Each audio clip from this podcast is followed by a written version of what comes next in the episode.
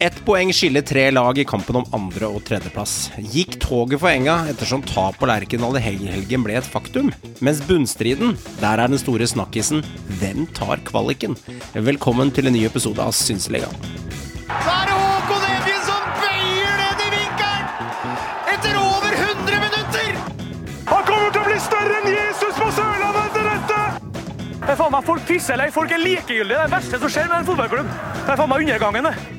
Og det er han som omtrent aldri skårer mål, som prikker den inn nede ved stolpen! Det, det jeg gleder meg mest til, er alle diskusjonene som kommer, og alle som kan alt om fotball, som dukker opp igjen og, og vet fasiten.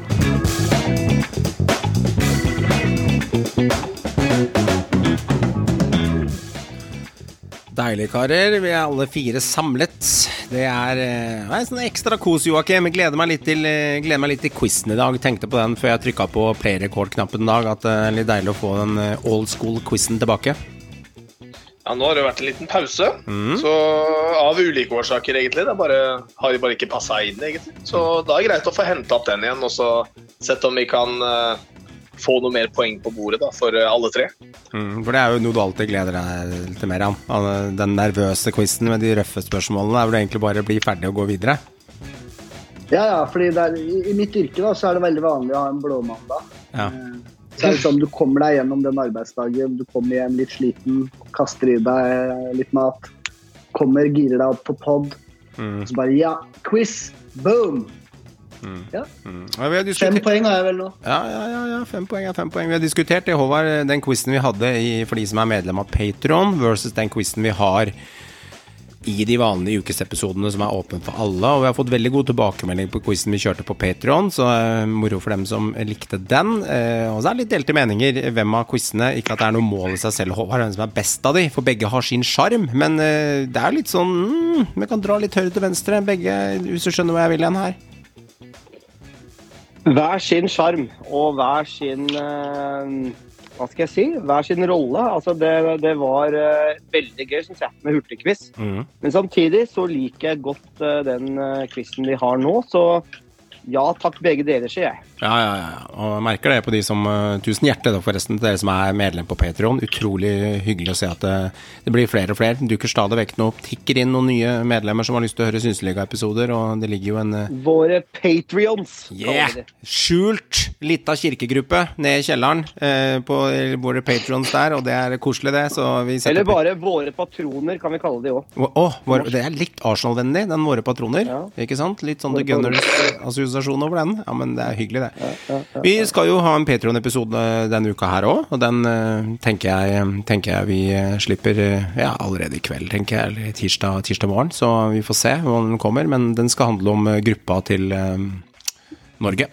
Skal handle om en ny EM-kvaliker som går av stabelen i 2024. Og vi har jo trukket noen, noen, litt nerva laget der, som vi har vært bekjentskap med før. Og trekt noen 2023 går kvaliken, eh, Krog. Ja, men det heter jo EM 2024. Altså kvaliken. Altså EM er jo 2024. Men jeg, jeg skjønner hva vi snakker om det samme. Der skal, den, den eh, slippes denne uka her, så der eh, skal vi bare prate Norge i den, den Patron-episoden.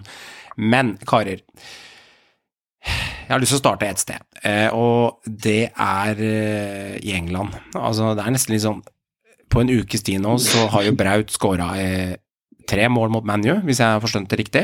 Og så skåra han to mål i Champions League, og så satt han en lita pinne etter 65-70 minutter i helgen som var igjen. Og det er 3-2 igjen. Altså, det er seks mål det er på ei uke, bare på han, Joakim. Og det er nesten litt sånn når Brauten spiller om dagen, at skårer han ikke to mål eller mer, så er det liksom mislykka dag på jobben. Ja, altså jeg eh, gikk jo i baret, jeg, da, for jeg putta jo Braut på, som kaptein på mitt fancy Premier League-lag. For jeg regna med at han skulle skåre tre minst mot Southampton, liksom, wow. som var en sånn vane av å plutselig gå på, sånn, gå på 9-0-tap. Så jeg tenkte liksom det, dette var dagen, da. Det, det skjedde jo ikke nå, men eh, nei, altså, det, det er jo litt den derre altså, det, var ingen som altså, Det er egentlig dumt da, å gå inn i sesongen og ikke tro at han kommer til å skåre mye mål. Uh, men altså, måten han på en måte har presentert seg der, og antallet mål han har fått så raskt i denne sesongen, her, det er jo altså, det er bare helt sinnssykt. Altså, Så det, det, begynner å være litt sånn som jeg har sett det flere steder. da, altså Både engelsk presse, norsk presse og alle sier det samme. Jeg er jo for enig at Du begynner liksom å gå tom for liksom hva du egentlig skal si. da. Altså Det er liksom ikke så mye å, å si lenger. Han, han, kommer bare til å dundre på. han. Altså det, det, det, det mest du kan si om en kamp Braut spiller, er den kampen han ikke skårer mål. Mm. Da kan du si noe, liksom, fordi da er det liksom en sånn spesiell event. Mm. Og Det er det som liksom er så sjukt òg. At det blir nesten som en mislykka dag på jobben hvis ikke han putter nesten minst ett. da. Eh, mm. og kanskje har noe assist, for nå begynner han å levere ganske bra med målgivende pasninger også. Det er jo noen klasseassist han har mot United bl.a. Og begynner å bli veldig god i det link-up-spillet og i oppspillsfasen og også faktisk å servere andre. og Det har vi ikke sett så mye fra Breit Haaland før. og altså Han er jo bare, han, han kan jo bli faktisk en en, en, altså en, legende i Premier League. Eh, det der kommer han til å bli. Han har nesten allerede blitt det. Det er jo, det er jo, det er rekorder. Han setter jo rekorder på, på antall skårede mål på antall kamper. Eh, det er jo ingen som har fått en så god start før. og Han ligger jo for fader meg an til 50-60 mål nå, altså. Hvis han fortsetter nå. Det er jo helt ellevilt å tenke på. Og jeg tror det er bare skader som kan stoppe han. Eh, han kommer til å smadre Premier League-rekorden. Det tror jeg Andy Cole sitter med. Eh, Nei. Alan Shearer. Alan Shearer sitter med den. På, på 34? Jeg tror det. Jeg Nei, men stopp det nå. Stopp det nå. Stopp det nå. Stopp det nå. Snakker du eh, eh, Jeg har fulgt litt med her. Nei, jeg er på én sesong. Ikke, nei, det mener jeg Sala. Det mener jeg Sala. Nei, nei, nei, det er ikke Sala. Det er 32. Det er noen som har skåret 34, og jeg, jeg trodde det Jo, det kan være Andy Cole. Jeg trodde Andy Cole, vi skal ikke blande oss for mye uh, Nei, uansett. Vi skal ikke snakke masse Premier League. Vi snakker kun om Haaland, for han er norsk. Uh, men, men, uansett, han har fått en helt ellevill start. Det er nesten som man bare må gni seg i øynene hva han leverer. Altså det, folk folk snakka om før sesong kommer han til å takle Premier League? Kommer han til å passe inn? City har ikke spilt med en rein spiss. Hvordan mm. fungerer dette her? Det er bare hånd i hanske, hele greia. altså. Ja, Vi skal være litt presise på det, Håvard. Og Share og Cole de deler rekorden ja. på flest ja, mål, med 34. Eh, begge fra sesongen med 22 lag i serien. Så ja. i sesongen med 20 lag i serien, Wikipedia er kilden min, dvs. Si to ja. mindre lag, så er, er det ja. Sala med 32. 32. Så jeg vil si at 32 eller 34, siden det er to mindre kamper, vil si jeg er på samme nivået. Så, eh, men han har fem Han kommer til å smadre det. Ja, ja. Han har fem Champions League-goal. Fem Champions League-skåringer og 15 i serien. Så det vil si, han har jo så vidt dratt på seg skjorta mer. Eh, City-skjorta, mm. og folk har begynt å bli mm. kjent med fyren. Og da har han allerede satt 20 skåringer for City, som er i tellende kamper, som er betyr noe, altså eh, Premier League og i Mesterligaen. 20 mål, 5 pluss 5. 15 pluss 5. Det er sterkt, altså. Ja, altså det er Men altså Jeg skjønner at vi er overraska i Norge, men hvis vi bare ser noen år tilbake Jeg trenger ikke gå mange år tilbake engang. Eh, så hadde vi spillere som Messi og Ronaldo, hvor du kunne før kampen nesten forutse hvor mange mål de skåra. Det vi kanskje sliter med å forstå i Norge, er at Erling Braut Haaland er eksakt av det kaliberet. Du kan før kampen spå nesten mange mål han skårer, og nå i tillegg kjøre på med assister òg. Men det er mange, vet du. Altså, verdensstjerne ut av andre dimensjoner, Krog. Altså, ja, jeg skjønner, men du er på et snitt på 1,8 per kamp. Det, det, det, er over, ja. det er over Jesus-nivå, liksom. Ja, men det fins to det ikke, ja, det er ikke mange av de, uavhengig av Messi og Ronaldo. Det er ikke sånn at det, florerer gjennom Nei. tidene med sånne spillere. Nei, nei, nei, det er ikke mange av de, og det, det, er, det er sjeldenheter. tilhører sjeldenheten. og Braut er en sjeldenhet. og Litt tilbake til det Håvard sa i forhold til skader. da, mm. så, så, er jeg også litt bekymra for det. Men samtidig så ser jeg et bedre team enn noen gang rundt den. Mm. Og han får den oppfølginga som er helt sinnssykt rå. Også det at jeg ser at Pep driver og sparer på ham litt her og der når de får muligheten nå. Så det er ikke sånn at de, de spiller ham i hjel. Og med all respekt, jeg tror han, mer, han, blir mer sliten av treningen enn han blir av de kampene. Men det er klart Du kan aldri ska, liksom skåne deg helt for spillere som kommer og pløyer deg ned. da. Det, og det er det litt av England, ikke sant? som kanskje bare vil sette seg i respekt. Så plutselig skjer det noe. og, og, og faktum er jo at I fjor så sleit han litt med skade, men det er som du sier, Miriam, de har treffet ekstremt på det medisinske rundt den i år. Han har et vanvittig team rundt seg. Det sier jo litt når disse gutta blir med på landslagssamlinga, eh, som er i City. De blir faktisk kuka inn for å følge opp tett på norgessamling. Og da skjønner du liksom at den passer på kroppen hans, for å si det mildt. Eh, så nei, det, er bare, det er bare helt ellevilt. Og jeg er så spent på hva han ender opp med. Altså, de, de der, husker vi spådde hvor mange mål blir det? Altså det, vi kommer til å bomme ja, grovt. Ja, alle mann. Ja, ja, ja. Ja, men du skal få, du skal få tipset. Altså, Joakim spådde 16. H- et- et 1. januar 2023 så sto Braut med 16. Håvard var på 14, Meram var på 17, og den som har minst peiling på Premier League, som er meg, sto på 19. Ikke sant? Hvem hadde mest troa, gutta? Hint, hint. Kommer til å smadre det òg. Kommer til å smadre. Så uh, han må slakke av det giret her, altså. Altså, ja. Altså, ikke sant, mot Kjøben, da. Går av til pause. Har satt to kasser. Ja, ja. Ikke Ja, liksom. Ja. Og det er lille Kjøben, da. Men uansett, som ser ut som smågutter, og det er jo fra selskapet her, men mot United, liksom. Han er jo allerede en City-legende. Han har satt tre kasser mot United, som er det største hatoppgjøret. Så det er, eh, det er helt ellevilt å tenke på, altså. Ja, det er sånn. Eh, og litt over til Eliteserien. Det begynner å skille seg ut tre puljer på tabellen. Jeg synes liksom Når jeg ser litt på tabellen nå, så får jeg litt sånn, eh, får litt sånn kjensle av at det, Ok, du har toppen der. eh, Det er greit. Molde er seriegullet delt ut. Og så har vi, eh, har vi på en måte sølvkampen eh, og bronsekampen, som Vålerenga var med, er med i enda. Kanskje, kanskje ikke. Det skal vi diskutere litt. Så har du midtpartiet der med Odd, Tromsø, Viking, Sarp, Godset, Haugesund, som er midtpartiet. Og så har vi de fire-fem i bånn som prøver å ikke rykke ned eller unngå kvalik. Så det er en sånn tripp-trapp-tresko på tabellen, Joakim, som, er som gjør det også litt spennende. For det er en seks-sju lag som ikke har en skitt å spille for snart, men, eh, men det, det lever i topp og i bunn. Ja, de spiller jo egentlig i prinsippet for noe premiepenger og noe plasserings, eh, plasseringsplasser. Det er jo egentlig i prinsippet alt eh, Ja, skal vi drasse helt ned mot Kan nesten gå ned mot der de 13, da. Det skiller litt for mye der, men Ja, Haugesund. Vet fra syvende, syvende til ellevte, for å si det sånn. Da, så, men med Ålesund også kan blande seg inn der, med en kamp mindre spilt. Ja, så du kan kan si det er da. ikke Sjette noe da, sånn- ja. Mm. Ja, ja, ja. Så, altså, det er jo kun for nesten bare for eh, æren de lagene faktisk eh, fullfører resten av sesongen. Da. Men de kan jo påvirke begge veier, både oppe og nede. Eh, og det er jo det som er interessant da, når et lag En del lag der som ikke har så mye å spille på, sånn som Sarpsborg, kan jeg tenke meg liksom har liksom nå kommet opp på en sånn plass hvor de spiller såpass bra at de kan stjele poeng eh, fra lag, nesten alle lag. Eh, for de har nesten ingenting å spille for, Mm. men de er i god flyt. Mm. Så det er klart de kommer til å ha innvirkning, men det er litt kjipt å være i den gjengen der nå. Det, det, Også, men så har du også litt andre veien, så har du lag som, som virkelig ikke er i god flyt, sånn som Viking, som er midt i Ja, ja. der. Og som virkelig bare må, må jobbe knallhardt nå. Det er på en måte viktig for dem å snu den ekstremt negative tendensen. Og at det ulmer veldig Stavanger Mm. rundt hele Mm. laget. Ledelse, trenerteam, spillere. Altså, det er viktig ikke sant? for å snu den der negative trenden de er inne i. Selv om det plasseringsmessig kanskje ikke har så ufryktelig mye å si, så må du på en måte snu flisa før vi eh, ønsker god jul, da. Mm.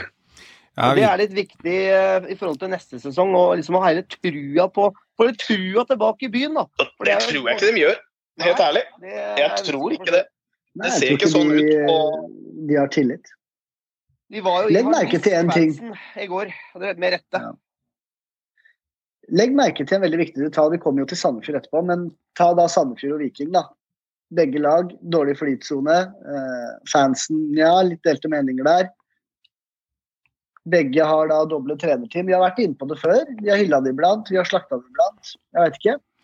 Ja, det er fort gjort å, det er fort gjort å peke på det, da, hvis man skal finne noe som er feil i en klubb. Så det er fort gjort å Husk peke at på det jeg først. er mester i å peke på ting. Ja, jeg skjønner er- det, men må jo ha, må jo ha en argumentasjonsrekke da, som gjør at det, det holder med vann her òg.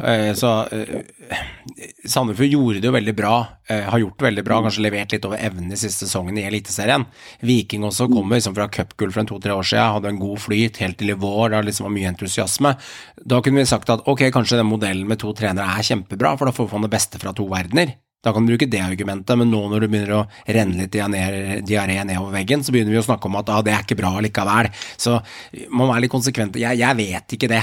Altså, det, det blir veldig Nei. synsing. Vi altså. vet jo ingenting. Ikke sant? ja, men jeg syns jo. Ja, jeg syns det. Da Jeg syns, syns da jo, syns var det jeg for øvrig Bjarne Bjerntsen som tok det cupgullet. ja, men jeg, jeg skjønner det, men det er kulturen Det er ikke én mann som tar det gullet, det er jo klubben som tar gullet. Ikke sant? Jeg skjønner at det var Jo, én trener, men, men saken er at ehm, Da syns jeg tilbake og sier at det, det er litt søkt å tenke sånn nå, for det, det kan jo gi resultater, men historisk så er det jo ikke så veldig mange? Vi har jo ikke så mange tilfeller å lene oss på eller av av liksom, doble trenere, men historisk er det ikke så mange som har tatt så veldig mye meritter med den løsningen heller, eller den fordelingsnøkkelen, så det er jo et poeng i det du sier òg, da.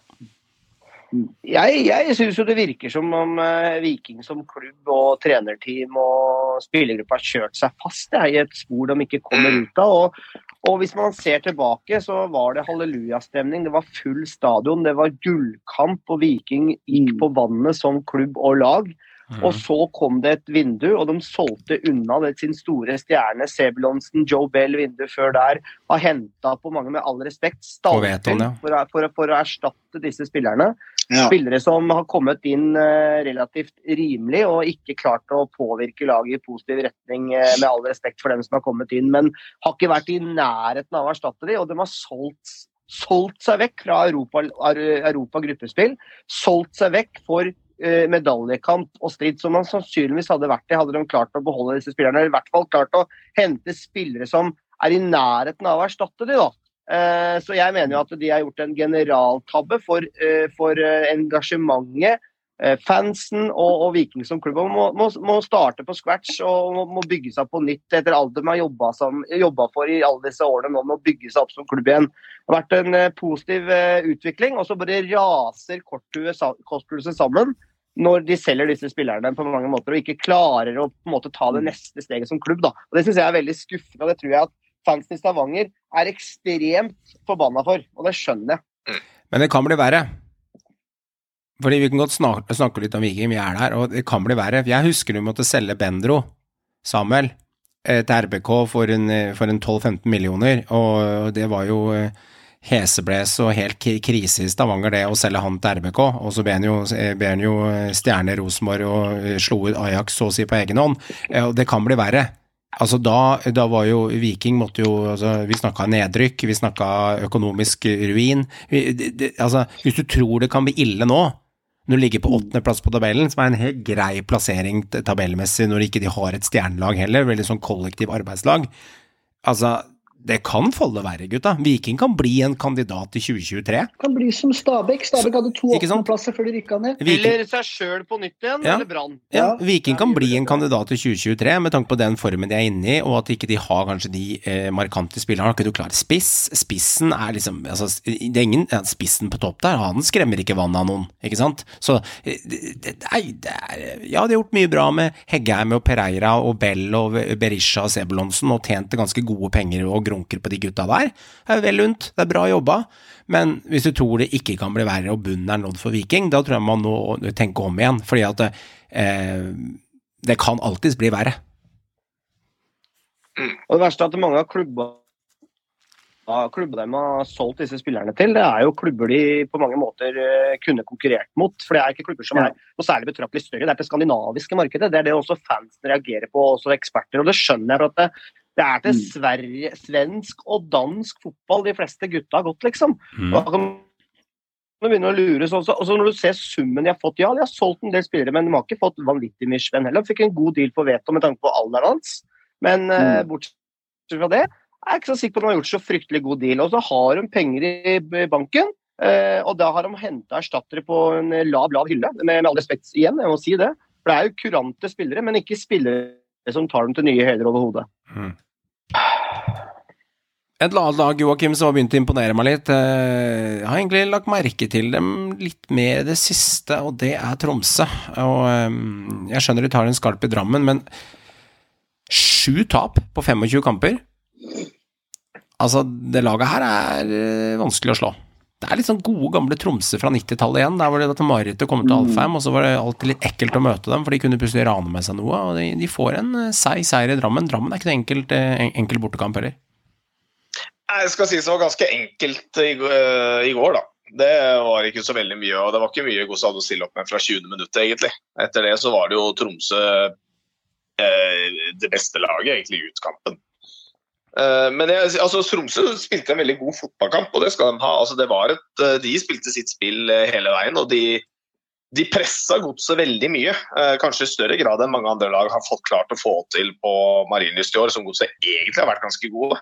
Men eh, det er klart det var ikke en god kamp eh, av hjemmelaget. Eh, men igjen til gjengjeld syns jeg det var en ganske god kamp av Tromsø. og De satte godset godt under press hele kampen, så det ble liksom aldri noe ordentlig spill da, fra godsets side. og det er ikke bare fordi Godset spilte en dårlig kamp, det er også fordi at Tromsø gjorde en, en, en godt gjennomført bortekamp. Ja, jeg, jeg syns Tromsø er faktisk en av de lagene som hadde, ikke, hadde veldig lave forventninger til Tromsø. Jeg trodde fort at det er et lag som kommer til å kjempe i bunnen, for å være helt ærlig, når jeg så det, den stallen og spillmateriellet de, de, hadde, og heller ikke henta så voldsomt mye spennende inn. Men altså, Gaute Helstrup og teamet har gjort en god jobb. De har tatt mm. steg som lag. Har mye unge spillere, og da spesielt August Mikkelsen som ledestjerna, som er en, faktisk en meget god spiller. Han, han er bra, mm. altså rett og slett en meget god spiller. og jeg tror nok at Glimt syns det er ekstra kjipt å ikke klare at de klarte å lande han. Han har passa perfekt inn i det Glimt-laget.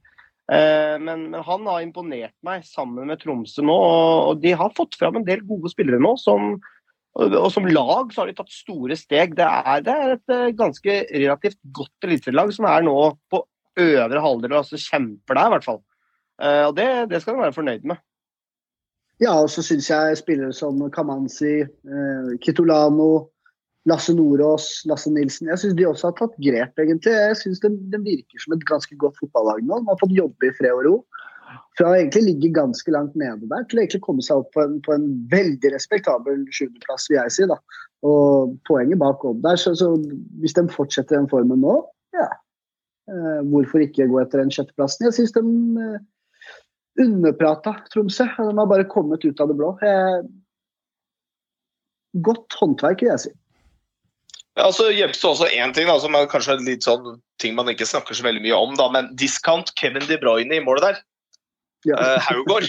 Altså, han ser, han ser, jo ut som en sånn, litt sånn halvveis fetter av Kevin De Bruyne. Okay. Men uh, altså, fyren var jo kanskje banens beste uh, mot godset, i hvert fall. Altså, han var jo en levende vegg i målet der. altså, Måten han angriper spisser som kommer gjennom, og det er ikke bare én, liksom. altså Det var altså Stenvik, det var Friday, nei, Friday det var Braut. altså alle, ikke Braut Braut, men Braut eh, junior. Brunes, ja. Eh, alle, så, Brunes, alle liksom kom én mot én mot han, og han gjør seg svær. og han er virka rent umulig å få ballen forbi en periode der. Så for meg så var det, ja, det var imponerende å se uh, han spille den kampen der. Det var en meget god kamp av uh, Haugård. Og det er jo en av de keeperne som starta sesongen fryktelig. Mm. Men som har spilt seg ganske stort opp den tidligere Premier League-keeperen, faktisk. Som har, eh, har et uh, lite antall kamper, Premier League-kamper for Stoke bl.a. Og spilt i engelsk fotball en, en god stund uh, før. Uh, men, men du ser jo nå, han er en god keeper og har spilt seg varm og starta shaky sammen med hele Tromsø-laget. og var faktisk lavest nede på statistikkene, tror jeg, for, på keeper, mm. keeperarbeidet sitt. Så, men, men har tatt steg sammen med resten av laget. og fått ny kontrakt så jeg nå også, Haugård. Så han har vi tatt med videre. Så Tromsø for meg det er et sånn typisk midt på tabellen-lag, som er eh, ikke i nærheten av god, god nok til å være med helt der oppe, men, men også hav foran de lagene i bunn. Det er ikke mange som tippa Tromsø på midten av tabellen før sesongstart, eh, så de gjør nesten, nesten en rekordsesong. Eh, det, det syns jeg. Eh, altså, de havner ca. midt på pari. Eh, og um, det er ganske sterkt. Eh, jeg syns de er litt underprata, faktisk, eh, som Meran er inne på, så jeg har latt meg imponere av de. De fortjener De har vel slått Rosenborg og, og Glimt ja, ja, ja. De slo, de slo Rosenborg, og de slo Glimt, og de har seks poeng mot de. Vi tok ikke begge, men, men de tapte én mot Rosenborg og har en uavgjort mot Glimt, mener jeg, og en seier mot Glimt. Nei, de tapte mot Glimt på Aspmyra. Ja, ok. Ja, det riktig var sånn det ble. Ja.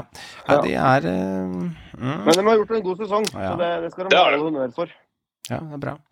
Det er bra. Uh, Odda, gutter. 1-1 mot KBK der. Det, det er et lite poeng hele tida, altså, for KBK, men det Ja, det holder ikke. Jeg hadde 4-4 mot Rosenborg i, i den uh, ryser av en fotballkamp, og så får de ett poeng nå. En spiller som er jævlig imponerende, er Jevtovic, altså. Har du sett mye med målpoeng han har i år, eller? Hæ? Det er ti mål nå, vel? Ja, han er oppe i, mål. han oppe i 13 målpoeng. Det er rekord. I 2017 så hadde han 12. Eh, da var han innom RBK blant annet òg. Eh, nå, nå, har han, eh, nå har han 13 målpoeng, og husker da vi fikk han veldig mye skryt i perioden i Bodø-Glimt før det, og så under Kåre og, og, den perioden der. Og jeg er imponert, ass. Han er, han er, han er jævlig ekkel. Alltid likt Jevtovic. En ekkel spiller.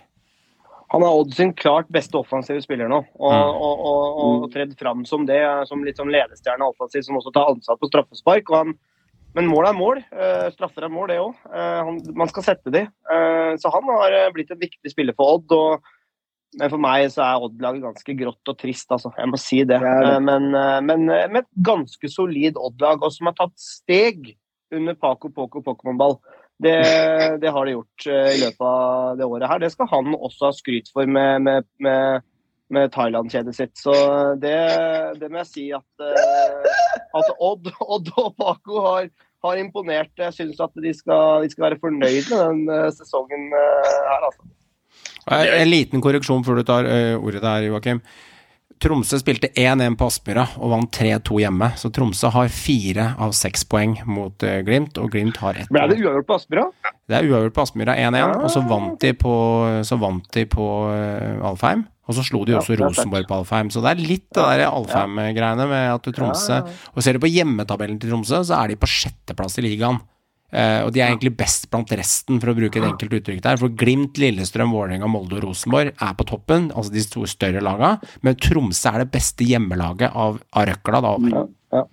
ja, ikke sant. Liten korreksjon der. Det skal, rett skal være rett. Men, ja, men Odd, da. Så, så Nei. Uh, har jo ikke helt klart å eh, få inn noe spiss der, da. Etter uh, Tobias Lauritzen, stakkars Diomande, som Satt uh, nydelig ja. heading, og så rett etterpå så ble han skada. Det var vel det faktisk med alle med, Sorry, Dio, men det snakka vi også litt om òg.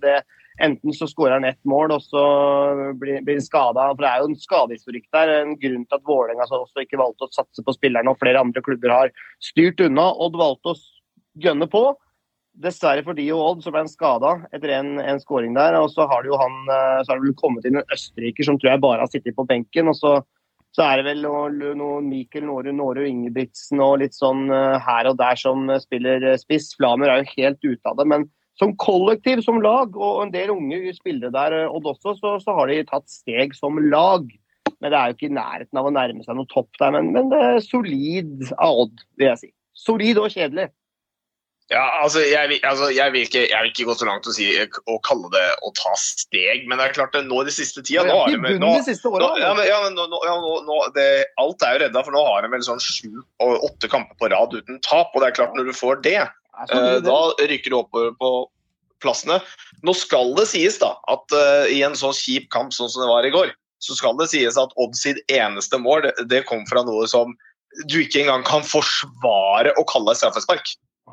Altså, det, det, er jo et av de, det er et av de mest patetiske straffesparkene jeg har sett. Altså, det går ikke an å forsvare det engang. Eh, jeg, jeg har ikke hørt noen forsvare det heller, utenom... utenom uh, hvem som er tatt der. Utenom han. Han forsvarte det. Men det er den ene fyren jeg har hørt som har forsvart det. Fordi, jeg tror altså, det, det, er ren skjær, Nei, det er ren skjær filming. Altså, bare, han, han, over. Uh, og når han etterpå da, altså en ting er Hvis han har sagt etterpå ja, altså, jeg prøvde å unngå å bli skada, og så dømmer dommeren straffe, fair nok. Men det er jo ikke det han sier. Han sier jo at han mener straffespark, og da er det filming.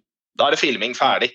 Og det er gult kort. Og, og, og, det er jo skjebnesvangert for KBK, da. Altså, ja. nå hadde de muligheten. Uh, Bendik By, vår kjære Bendik, ja, ja. igjen. Gjør det. Eh, men de, de, savner han Faris Bemi der oppe nå. Han har vært uh, jævlig god for dem før han ble skada nå, dessverre. Han hadde jo skåret en eh, tre-fire kamper på rad. og Litt av stinget er litt, kanskje litt borte nå, med, med, ja. med han Willumsen og Bendik By der oppe. For Faris Bemi han var virkelig i form. og Ligna på en, en Dauda Bamba i, i form. så, så Faris Pemi hadde de på en måte litt gull med, for det var en spiller som ble henta tilbake fra lån, og så plutselig begynte han å skåre. Men, eh, men, KBK det begynner å røyne på nå. Fem poeng. Det skal holde hardt. Men det er jo håp in the hanging snore. Det er det. det, er det jo. Og, Og du som må ta for Jevtovic, så må du en liten shout-out til Bendik By òg, da. Fyren er bare ett mål unna rekorden sin i antall skårede mål. Det er, det er, ni mål i 2018, som jeg klarte å lese om. Nå har han skåra åtte mål hittil i år.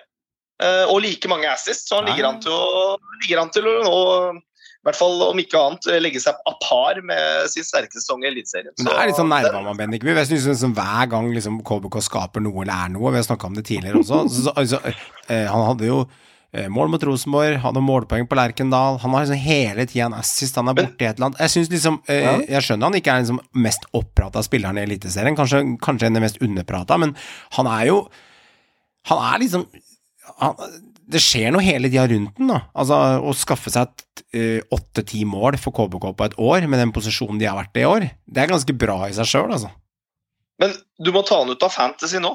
For en litt sjuk ting med Bendik By er at hvis du ser på målene han har skåra, så skårer han ett mål to kamper på rad. Det har han gjort de siste seks målene. Så har kommet ett mål, ett mål, og så har han hatt en liten periode uten mål. Ett mål, ett mål, og nå har han en lang periode. Ett mål, ett mål. Ja. Så nå kommer han i hvert fall ikke til å skåre den neste, den neste kampen, sannsynligvis ikke etter der, men Ja. kanskje mot slutten av sesongen. Da kan du Ja, ja. lure den inn igjen.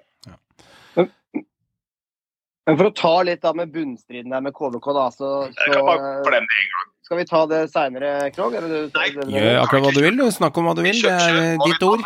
Ja, for, fordi at jeg, jeg må si at eh, det er jo akkurat sånne kamper som det her mot Odd, med, med sånne type mot, sånn type motstand. Du er nødt til å vinne skal du holde plassen. Og ja, det er selvfølgelig mulig her, men fem poeng Er Ja. det seks kamper igjen nå? Fem. Fem kamper igjen. Ja. Det skal holde hardt, altså. Jeg må si det. Det skal holde Ja. hardt. Var- Men, men egentlig så ikke sant? Vi har snakket om det mye med KVK, men også det at du får 4-4 mot Rosenborg, eh, og når du leder 3-1, og så klarer du å gi fra deg initiativet i kampen. Ja, de er, litt, de er gode og litt heldige, og Rosenborg er litt udyktig på slutten der, som gir dem 4-4. Eh, flaks eksisterer ikke i fotball, så RBK er udyktig som gir dem en corner, som er et resultat av at du får en 4-4, så det var helt fortjent. La oss ikke begynne på den. Nei, nei, men det er jo, det er jo sannheten. Altså, det er et resultat av noe du gjør i forkant. Eh, så KBK fortjente poeng mot Rosenborg, men de var også jævlig dårlige, som slapp inn tre mål på tolv minutter mot RBK når de leder 3-1. Da må du klare å drepe sånne kamper, for de tre poengene mot Rosenborg de kunne ha fått, det hadde gjort seg jævlig godt på tabellen nå. Hvis de hadde hatt, Ja. fått, fått to poeng til. Men det er sure poeng hvis du ser det med KBK-øynene, da. Ja, og så er det, altså KBK har igjen to bortekamper, og det er Glimt og Sarpsborg. Og det er ikke kamper hvor jeg tror KBK kommer til å få med seg noe som helst. Nei. Og så har de, har de jo hjemmekamper mot andre lag som ligger rett over, rett rundt. Altså Det er Ålesund, Ja. Haugesund og Jerv. Ja. Så det er ikke lett. Altså, det, altså Innkamper er lette, da, men Men det er ikke umulig! Det er ikke umulig! Det er 15 Nei, det er poeng ikke- å spille om. Det er ikke umulig! det er ikke umulig. Det er Men det, Men det er jo bare fem poeng opp til Ja, men husk på, de skal heller ikke vinne. Bare, bare. Ikke sant? Det er ikke bare bare. er- De, de, hvis de begynner å vinne, så er det jo åtte plutselig, ikke sant, hvis du taper. Så det, det, det, det der blir vondt, vet du. Det eneste, eneste som får meg til å liksom tenke at det ikke er kjørt, det er nettopp fordi at det Sandefjord som ligger på kvalik, er så fryktelig dårlig form. Ja. Uh, og de, de er jo også elendige, elendig, og KBK Som har er- Jerv i neste runde. Ja, og, og det er i hvert fall en kamp de virkelig må vinne. Det er faen. Da blir det shaky. Ikke sant? Ta, går inn på tap mot Jerv der. Ja, men vinner de den, da, så er jo, så er jo Det er ikke nedrykksspøkelse Det er ikke nedrykksspøkelse eh, kanskje for KBK. Da er det kanskje liksom, det er det opplest og vedtatt snart, ikke sant? Altså, Jerv er jo ferdig. Vi snakker jo ikke om Jerv lenger. Trenger ikke å snakke om Jerv lenger. De er ferdig. Ja. Så, så enkelt er det. De er ferdig Stakkars, lenge. da. Gule du, Stakkars Jerv. Vær Ja, ja. hyggelig mot Men, dem. men, men, de, men dem, er, de er ferdig finito. Men, men, men KBK Sandefjord, det er dem det står mellom. Ja, Men da, ikke sant, da kan du se de på andre måten igjen. Da, ikke sant? Og Vi var inne på Jerv, men det er ikke bare Jerv. ikke sant? De skal også møte HamKam hjemme. Og så skal de møte Haugesund hjemme i siste seriekamp, Mm. som sannsynligvis bare har stabla seg på midt på treet og har ingenting å spille for. Mm. Så det er klart, Mm. hvis du, hvis du ser nå, nå skal det greit, Man skal ikke være i den fella, da, men mot slutten av serien, øh, en serie så begynner ting på en måte å falle litt på plass. Og det er ikke noe tvil om at Sandefjord har et veldig godt utgangspunkt på å holde KBK bak seg, hvis du ser på lagene som møter, de møter den siste øh, rundene. Og jeg, jeg, jeg mener at jeg var litt optimist en periode, men i mitt hode nå så er det sånn 90, 90% sannsynlighet for at KBK rykker ned. Du har sannsynligvis rett. Men et annet lag, karer, som ikke er i nærheten av den enden, som vi vi ikke trenger å tenke på noe poeng her og noe bortetap der, og slippe mål inn på overtimera, og noe jallatjafs der, og hvem må vinne her og borte der, og han har skada av karantene. Det er Molde. Altså, de har gjort rent bord og satt en eh, rekkerekord på to- tolv på rad nå, som jeg skjønte i helgen også. Altså, de, eh, vi har gratulert dem før, gjør en god jobb, og det var en fin seanse Ja. på TV-en der med Gauseth som eh, også ble litt rørt av Eikrem og det han har vært igjennom. Og, altså, det er jo et statement, da. Altså, de har jo stålkontroll med 5-0 her. De feier HamKam med banen. Ja, de setter HamKam så ettertrykkelig på plass. så De ser ut som smågutter. Dette er lag som kjemper med nebb og klør, det også, for å, for å holde seg. Eh, Riktignok fått en bitte liten luke til Sandefjord nå, men, men det Molde gjør, altså tolv strake. Det er, eh, det er det er Det er sjukt. Det er vanvittig. Et lag som, som ikke alltid spiller like feiende flott, faktisk. Men Er rekord Molde- bare for Molde, eller i serien som var Det er serien totalt. Hva hadde Glimt under den Ja, sjuke sesongen sin, da? Hadde ikke tolv. Ok. Mm. Jeg vet ikke hva de hadde, men dette er ny rekord. Som hadde sannsynligvis kanskje 11. Da. Jeg vet jeg ikke. men det, det, det er faktisk ny rekord. Ja. Og, og det arsenalet de har av spillere og Det har vi snakka om før, men det som har imponert meg nesten mest for, eh, hos Molde, er at de bytta formasjon. Og i tillegg, av de gutta som har kommet inn, for de har slitt masse med skader, det har vi snakka om før, masse med skader, men de gutta som har kommet inn, dem har vist uh, seg tilliten verdig og levert vel så bra som de kanskje antatt beste. Uh, og det har vært en utrolig styrke hos Molde at de har så mange poengspillere. Altså en, en, spiller som Markus Kaas har skåret ni mål, altså. David Datro Fofana, ti mål. Eh, Ola Brynildsen er vel også på ti. Det er så mange som putter mål her. Det er mange som leverer. Ikke sant? Ola har vært kjempe, Han er jo vanvittig form når Ola har skåret i fire kamper på rad, tror jeg. Noe sånt nå. Eh, mm. kommer plutselig Eikrem inn, med han, det han har vært igjennom, stakkars mann. Setter ja. to kasser i går. Det er jo helt vanvittig imponerende. Og det er en sånn ekstrem vinnerkultur hos Molde. Og, det, og måten de spiller fotball på, de, de veit nøyaktig rollefordelinga si. Og, og jeg, jeg, er, jeg, er, ekstremt imponert av Molde som lag. Ja, du har noen enere, men det er laget, kollektivet eh, og den vinnerkulturen de har fått i veggene der. Og Molde er alltid med og slåss om gullet de siste åra. Og nå kommer de til å ta et vanvittig fortjent gull etter noen år da i skyggen av Glimt. Så, så uh, Molde får for lite cred. For de leder faen meg med 15 poeng, altså. Ned til Glimt. Det er vanvittig sterkt. Og tolv strake, det, det snakker for seg sjøl. Ja, så, så, For min del så er det jo det som har imponert meg, da. Eh, det er utelukkende hvordan de har klart å få rulla inn den, den der generasjonen naturlig måte uten at de har blitt påvirka av det egentlig noe som helst grad, eh, som jeg trodde at de skulle bli påvirka. Men de, de, har jo ikke det. De har jo bare briljert alle mann. De har blitt rulla inn fint. og Overgangsfasen har gått kjempebra. Eh, og de, de, har blitt yngre totalt sett, så, så, det er vel kanskje det som har imponert meg best. at De, de har ikke falt i kvalitet, men kanskje tvert imot blitt bedre av det. Ja, det er på en måte på, si det, men... ja, på samme måte som eh, på måte jeg følte at Glimt på en måte har vunnet, eh, gjerne vunnet ligaene med elveren sin. Det er egentlig det de egentlig har gjort, og de har klart å holde spillerne tålelig skadefrie og klart å liksom stable på plass de si 14 spillerne de trenger da for å vinne ligaen. Så har liksom Molde nå vunnet ligaen på en litt annen måte. De har vunnet på bredde.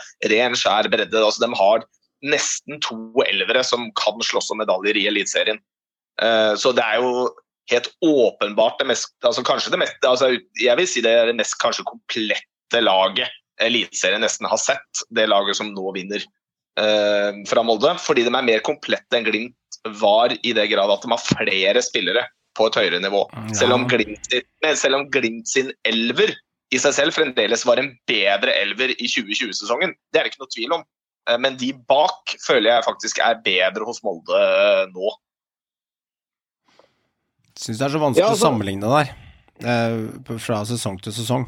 Uh, fordi Jo, jo, men det er jo det man sy syns rett og ja, prøver, da. ja, jeg skjønner det. Det er bare veldig vanskelig. Det er så mange gode årganger som er så syke. Fordi at som, ja. som, du har noen RBK-årganger som er helt brutale, og så har du noen Bodø-Glimt-årganger siste åra som er helt galskap, og så har du jo det Brannlaget var ikke akkurat eh, født på under en stol når de vant heller. Stabæk. Stabæk sin Ikke 08, nei. nei 08 var helt enorm, ikke sant. Og Rosenborg sin, eh, sin, eh, gikk det ene året med ett tap, og året etter gikk de med null tap igjennom under Hamren. Klart de var kjedelige, men de, de var så jævlig fucking solide. Så det er så veldig vanskelig å bedømme det. Eh, eh, som, Mm. Men, men, hvis jeg snakker om Molde som lag, da, så, så snakker de jo også om det sjæl der oppe. og Erling Moe ja. har jo vært vært med i klubben i en uh, mannsalder, både som uh, ja, i uh, yngre avdeling og som assistent i veldig veldig mange år under Solskjær og andre, og nå som hovedtrener i mange år. og vi snakka jo til og med om vi at Erling Moe han er snart ferdig. han. Det begynte, for det begynte å liksom, Molde kommer til å få en, en down. mer enn du var Ikke hør på oss, kjære lytter. Blant annet litt, litt på den. Og så leverer plutselig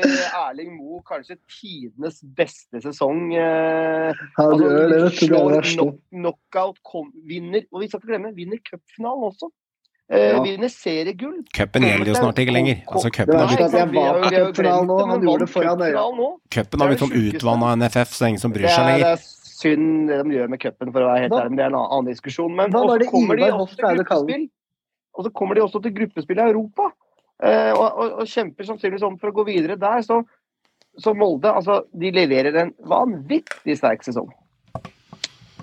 Veldig bra. Molde de fortjener den hederen de får. Jeg syns kanskje, hvis man skal begynne å sette litt sånn lag opp mot hverandre, som er en sånn morsom øvelse òg, så da må du gå noen år, eh, og så må du begynne liksom å mimre tilbake på de, og det er noe med, noen, eh, noe med den Stabæk-årgangen i 08, og noen Rosenborg-årganger også, som jeg husker sinnssykt godt, eh, men jeg husker for eksempel ikke nøyaktig hvem som kanskje var liksom ledestjerna, eller liksom kjemien eller hele følelsen rundt Molde-laget som kanskje vant i 2013-2014, altså hvis du skjønner litt hva jeg mener, men jeg husker veldig Glimt-årgangen i 2020. Den kommer jeg til å huske om ti år òg. Så det er noe med den følelsen av hvordan laget opptro har også mye å si. Så om jeg vil huske 2022-Molde om en åtte-ti år som liksom Jeg husker de vant, men hvis jeg sammenligner med andre, så tror jeg det, det går ikke inn på første rekke hos meg, da.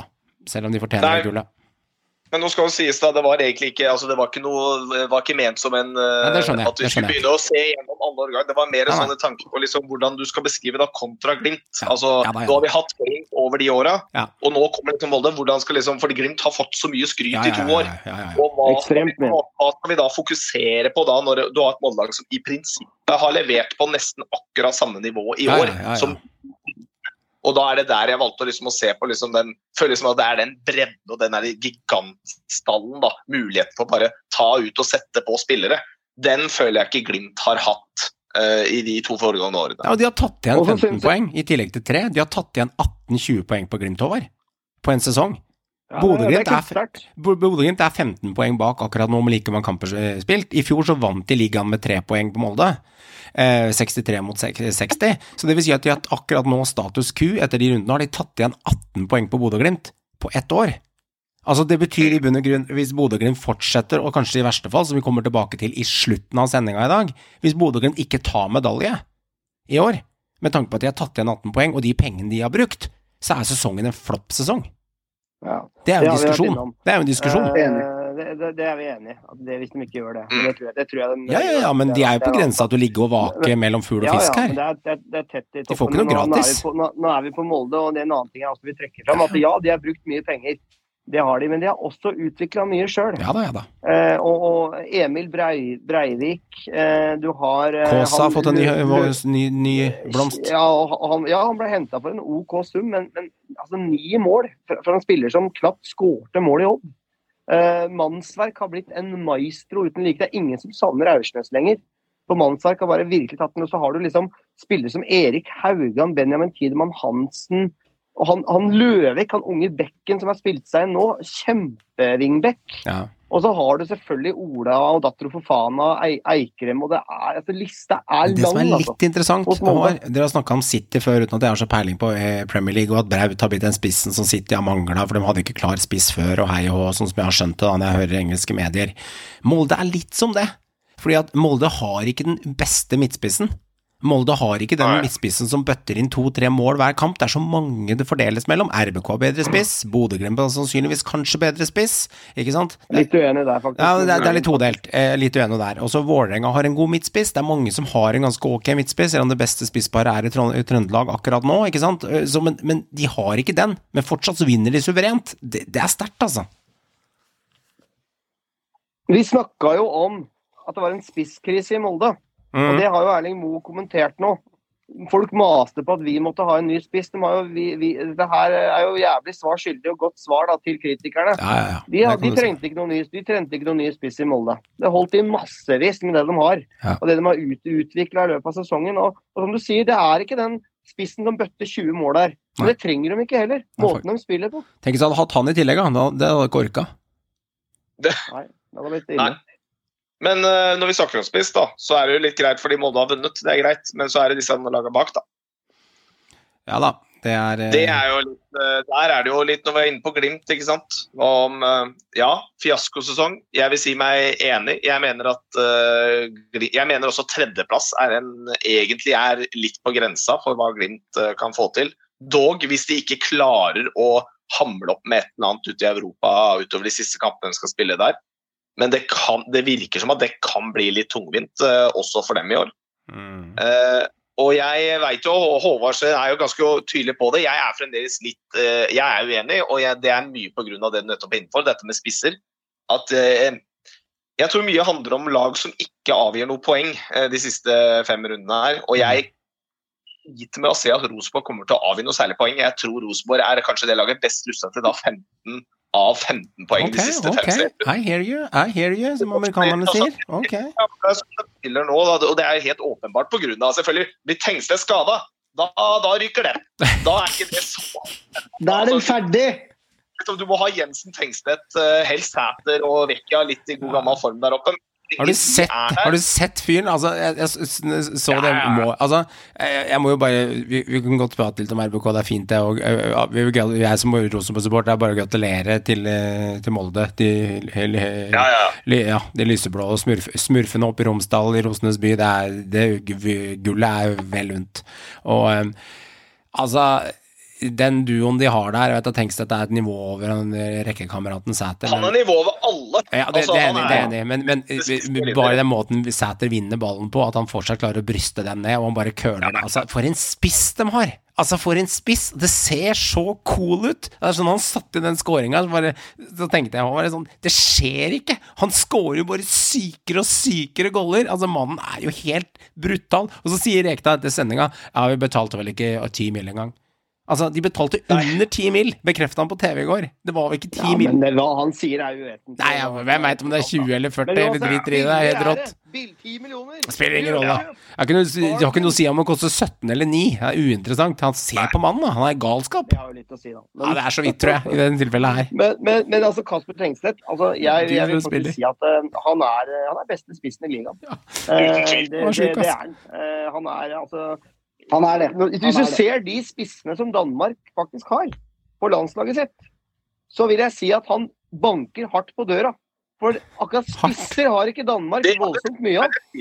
Det har de Eh, av. De har et jævlig godt landslag, men spisser har de ikke voldsomt mye av. Og når eh, Andreas Cornelius i FCK, som sitter nesten på benken i FCK, er på landslaget, da eh, tror jeg han godeste Tengsletten banker på snart. Men De, og de tør ikke å ta han ut nå, for at nå har de latt den gå til Norge på, på billigsalg. Og ingen i dansk Men- fotball men- som plukka han opp. Det vil jo være et nei, ja, skikkelig og- og- nederlag for de danske drenge å å ta ut Og ham på landslaget nå. Og det er jo et smekk på egen røv for disse danskene. eh, Danske tar jo ikke med danske fra Norge. At ikke de store klubba har plukka han. For det var jo klubber som snudde. Men jeg tror faktisk at de turte ikke å ta sjansen, for de syntes det ble for dyrt med ti mil for en som egentlig kun har prestert på nest øverste nivå, der han ble toppskårer. Og så rykka de opp, og så spilte han vel noen kamper i Horsens før han da gikk det eh, i Superligaen, før han da gikk til RBK. Mm. Så det er et røverkjøp, og det beste kjøpet i hele år. Ja, og- og det er lenge siden han har sett et så godt kjøp.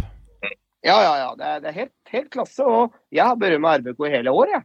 Måten de driver på nå, og, og måten eh, Reka og Frigård har fått dette her til. Og, og ikke minst spillerlogistikken til RBK.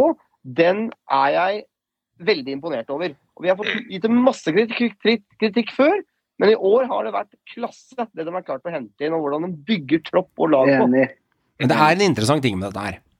For jeg var jo veldig skeptisk til RBK i tidligere år, og du var veldig positiv, Håvard. Og her er en interessant ting. For det her går litt ut på Ja, du får rett til slutt, men så blir det sånn Ingen av oss kunne vite at de skulle treffe så godt på den dansken. Og hadde de ikke gjort det, som er en én liten ting i løpet av hele sesongen, da kunne dette sett ganske annerledes ut.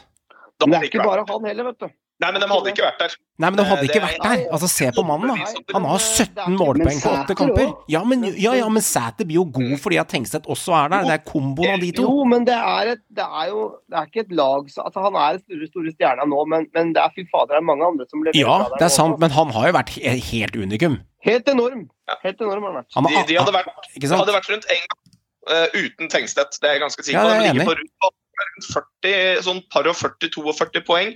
Der hadde de vært uten Tengstedt. Grunnen til at de nå slåss om sølv, det, det er ikke ene og alene han. Det sier jo seg selv. Det er et fotballag som skal vinne kamper. Men Mm. han er den direkte årsaken til at Rosenborg er der oppe. For det er han som har bikka de kampene og gjort de sjuke Ja, ja. prestasjonene, skåra de måla. Som ikke jeg tror ikke en annen Det det hadde ikke vært Holse som hadde gjort det. Det hadde ikke vært Sæter som hadde gjort det. Kanskje en av dem, ikke sant? Ikke Men, sant? men poenget er det er lov å treffe som spiller inn. Det er lov. Det, det, det er lov å gjøre en grundig jobb. Det er lov, det. Og, og vi kan ikke legge alt dette Nei. på én spiller, men de har treffet ekstremt godt der, RBK. Det har de. Eh, og jeg liker måten de driver klubb på, og bygger Ja. klubb på nå. Det er sant. Det skal de ha all honnør for. Og Reka og Frigård har fått mye drit. De fortjener honnør for den snuoperasjonen og måten altså de, Det var klasseforskjell mellom Rosenborg og Vålerenga. Ja, det var det. Et Vålerenga som var en av for, formlagene. Det var klasseforskjell. De var ikke i nærheten. Hadde ikke skudd på mål, de hadde ikke ett skudd på mål. Altså, det var, det var, det var klasseforskjell. Det var som å nesten se RBK litt i storhetstida, når, når folk skulle opp dit og yppe, yppe seg på Lerkendal. De var ikke i nærheten. Mm. Så ja, det blir kamp om det sølvet. Det, det skal sies. Eh, Men jeg, jeg har fortsatt Glimt som en liten favoritt til sølv. Det har jeg. Ja, jeg, ja Sæter får, jo et målpoeng i går, og Tengstedt får jo, får jo ja, får han to av? Ender han med tre der? Han ender med én scoring selvfølgelig, og en assist, så det er tre målpoeng. To skår. To skår. Ja, men han får en assist, og det han gjør på assisten også er sterkt, Joakim. Når han venter og venter og venter på løpet til Vekke i midten, og så holder han igjen, og så dunker han Marlen ut eh, Ikke Mathias Jensen, som kommentatoren var så opptatt av i går, men Viktor Jensen. Altså Mathias Jensen fem ganger i går, holder på å daue det, altså. Men Viktor Jensen, ja. Og så, holder han igjen den. Altså det er helt rå, men Sæter gjør en god jobb god jobb også. En ekkel spiller å forholde seg til. Det er Bra løp han gjør der når han ble skada i ankelen der, og han, han, er ekkel å forholde seg til også. De to sammen er krutt, altså. Men jeg må si uh, at uh, RBK, og, og, for så vidt også Sæter sjøl, uh, det må vi kanskje snakke litt om. Jeg, jeg syns han han spiller et høyt spill nå. han har levert ja, snart en god sesong i Eliteserien. Selvfølgelig for et godt lag i Rosenborg og en stor stor klubb. og Han er, han er trønder. Han er 26 år, han har spilt i lavere divisjoner eh, bare for noen år siden. og Rykka ned fra Obos med Ullkisa bare for noen par år siden og, eh, på lån. og Gjorde det OK i Ranheim. og Han har gode kort på hånda nå, men han må passe på for ikke å bli for høy og mørk. Jeg vet at Sæter har enormt med selvtillit, men han kan stå der som svarteper. altså. Hvis RBK bare bestemmer seg for at nå er nok er nok, får, vi selger deg når sesongen er over, og så ender han på benken i en eller annen middelmådig utenlandsk klubb. Så jeg, eh, jeg, hadde vært, eh, jeg hadde tenkt meg godt om hadde jeg vært Ole Sæter. Han, han, passer jo veldig godt inn i Rosenborg som de er nå, men det er ikke sikkert det samme gjelder for en annen klubb. Men jeg er litt sånn, siden dette liksom, nå har vi gjort det samme nedrykk, og det er litt sånn, jeg er litt sånn spent på de, altså de tre neste rundene. da. For jeg tenker liksom det er, det er veldig gøy, faktisk, de tre neste rundene. For Glimt de skal møte Enga borte, og så skal de møte Kristiansund hjemme. Mm. Kristiansund hjemme er eh, plankekjøring for Glimt. det er ikke noe tvil om. Enga borte tror jeg ikke nødvendigvis er plankekjøring. For jeg tror Enga hjemme er noe helt annet enn Enga på bortebane. De på Intility. Mm. Rosenborg i samme periode de kommer til å drasse med seg poeng mot Godset uten problemer. Og så er det da Molde som de sliter med. Og så er det da Rosenborg-Glimt. Så jeg tror at du fort står med to lag med samme antall målpoeng. Nei, samme antall poeng når de møtes på Lerkendal. For en kamp det blir. Og da er det jo Da er det en kamp Da kan det være helt avgjørende for hvordan det der For det er ingen av de to lagene som har noe vanskelig avslutning på sesongen, egentlig. Det er Nei. liksom overkommelige, typisk sekspoengskamper. De bør ikke ja. seg ut der. Så jeg tror kanskje det sølvet blir avgjort på Lerkendal. Og da blir det veldig spennende hvilke lag som uh, vinner den. Hmm. Nei, For en insane kamp den uh, Rosenborg-Glimt blir, med tanke på det sølvet. Altså. Og, uh, og, for min del, så selv om LSK vinner uh, i går, og det er en solid borteseier, så, så, er det Jeg er veldig sikker på det er Rosenborg-Glimt som kommer til å gjøre opp om sølv og bronsen. da. og LSK havner på den litt sure fjerdeplassen, tror jeg. jeg. Jeg klarer ikke helt å se, selv om det er en seier Solid seier av LSK i går. Det mm. absolutt 3-0 borte i Stavanger. Det, det, lar seg høre, det. Og Thomas Lene med to, to kasser og begynner å skåre. Det er viktig for han, og det er viktig for LSK. Etter en litt sånn tung eh, periode så, så er det sterkt av LSK, det. Men jeg tror bare ikke de er gode nok til å være med helt der oppe sammen med Glimt og, og eh, Rosenborg om sølv og bronse. Jeg tror de, de, de handler hakket bak. Ja, og så er liksom testen litt for Lillestrøm til helga. De får Molde på besøk. Ja. Og um, Ikke sant, du kan tenke deg Jeg sier ikke at RBK kommer til å flå godset, men godset skal henge i, da. Rosenborg er ligaens beste RBK kommer til å slå, flå ja, godset altså, i de, er, de er ligaens beste hjemmelag, så godset skal henge i. Men det, det kan jo komme noen sånne overraskelsesgreier. Jeg husker jo Christer George og Ronny Deila satte noen skåringer der i 2008-2009 Gangster-quiz, og vant Gangster Christa. Det er jo til- til 12-14 år siden, så jeg husker jo det. Men, eh, men utenom det, så Det er to headinger av Valsvik eh, som kommer ja, til å skje klart, klart hvis, eh, hvis eh, Valsvik skårer, kan jo fort skje. Han er målmaskin, ifra, han har vært god, han for godset. Men, men Lillestrøm skal slå Molde også, og få Rosenborg tre poeng på godset der da. da. Da kan plutselig Lillestrøm være hekta igjen. Men hallo, jeg tenker litt på Vålerenga jeg nå. Jeg har en liten følelse at Vålerenga kan sjokke Bodø-Glimt til helga hjemme på Intility, og at det kanskje Ja, det kan fort at det fort, to, to Vålerenga kan faktisk ta den kampen her, slå hardt tilbake. Altså, altså, selv om vi tenker isolert sett, høsten til Vålerenga har jo vært kruttsterk. Altså, Ja før, det, før det tapet her uh, leverte en vanvittig rekke, bortsett fra mot KBK. Det var også dårlig. Men bortsett fra de to kampene her, så har Vålerenga vært jævlig god i høst. Må tenke Mm. på at eh, de lå nede på kvalik, altså. På det verste. De gjorde det. Så den, eh, den eh, oppturen under Fagermo og og det de har gjort som lag der, det står det veldig veldig respekt av. Men jeg tror at de, eh, de, de, de, det var veldig viktig for Vålerenga å vinne nettopp i, i går. Eh, Det gjorde de ikke. De kom til kort på alle mulige måter mot RBK. Og det var klasseforskjell på lagene når det gjaldt som mest eh, der oppe. Og eh, jeg eh, tror ikke det blir noen medaljer på Valle, og jeg tror ikke det blir noen medaljer på Åråsen. Eh, Men selvfølgelig, for å gi LSK et lite håp, da, så var det jo ekstremt viktig med Lenemål nå. For han blir viktig i sluttspurten, og han må levere skåringer. Og det er ikke så utrolig fa øh, veldig sånn derre Jeg syns ikke det ser noe veldig truet ut, det kampprogrammet LSK skal gjennom Nei. etter Molde. Så eh, hvis de slår Molde, da er det noe helt annet eh, Ja. i min bok. Da begynner de plutselig å kunne, om ikke si sølv, da, men da tror jeg fort vekk de faktisk kan være med i den og slåss om den bronsen, faktisk. Hvis de slår Molde. Men det er et veldig stort hvis, da.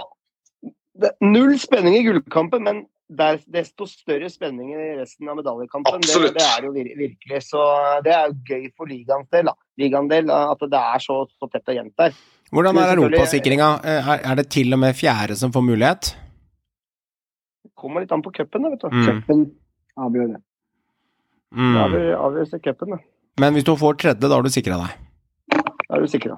Ja, ok, greit. Så er det, hvis la oss si Vålerenga er ferdig her, da. La oss leke med tanken. Så har du Lillestrøm 47, Rosenborg 47 og Glimt 48. Og så er det noen som kommer til å slå hverandre her og møte hverandre og avgi litt sånn skitpoeng mot Sarp eller HamKam eller et eller annet som kommer til å skje. Det kan fort være Rosenborg, det kan fort være Lillestrøm, det òg.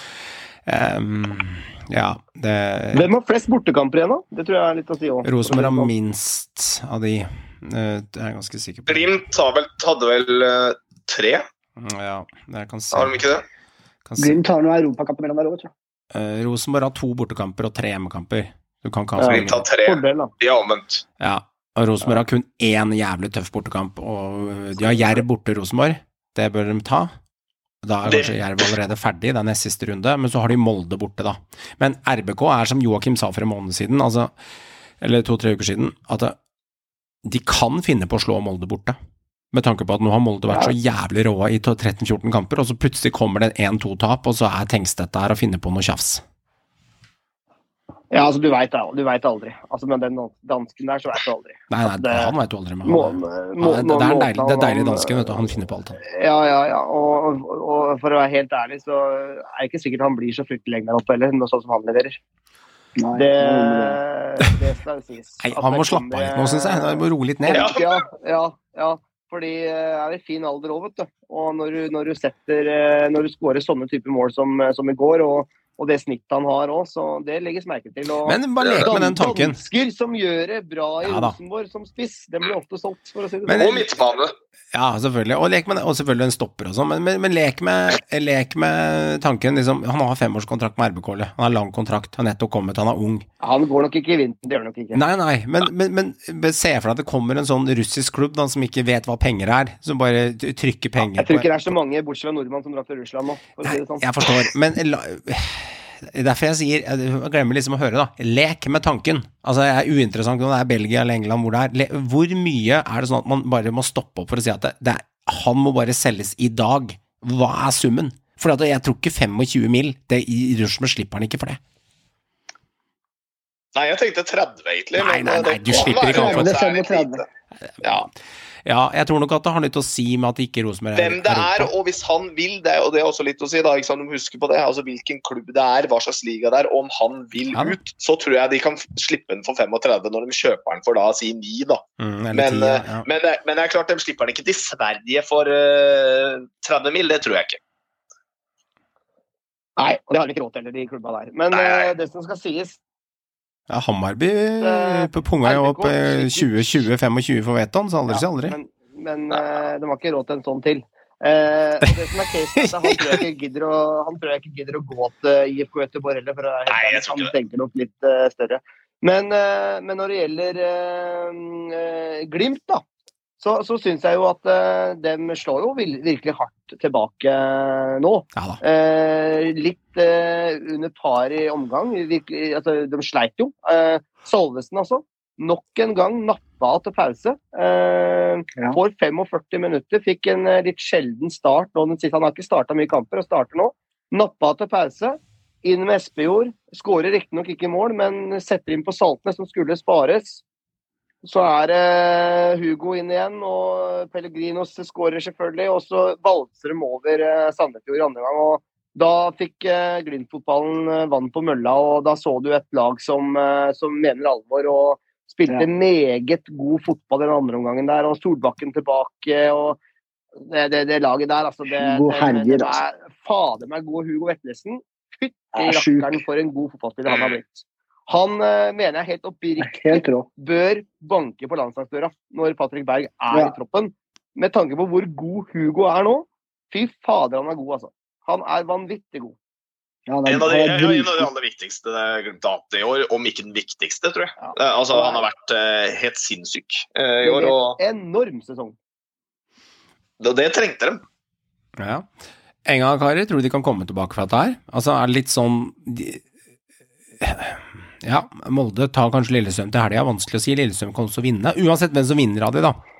Hvis Lillestrøm skulle finne på å uh, finne på noe krumspring der og, og, og kline til, så, så er det jo tross alt uh, Så må Enga henge med uansett, og Rosenborg får godset på besøk. Altså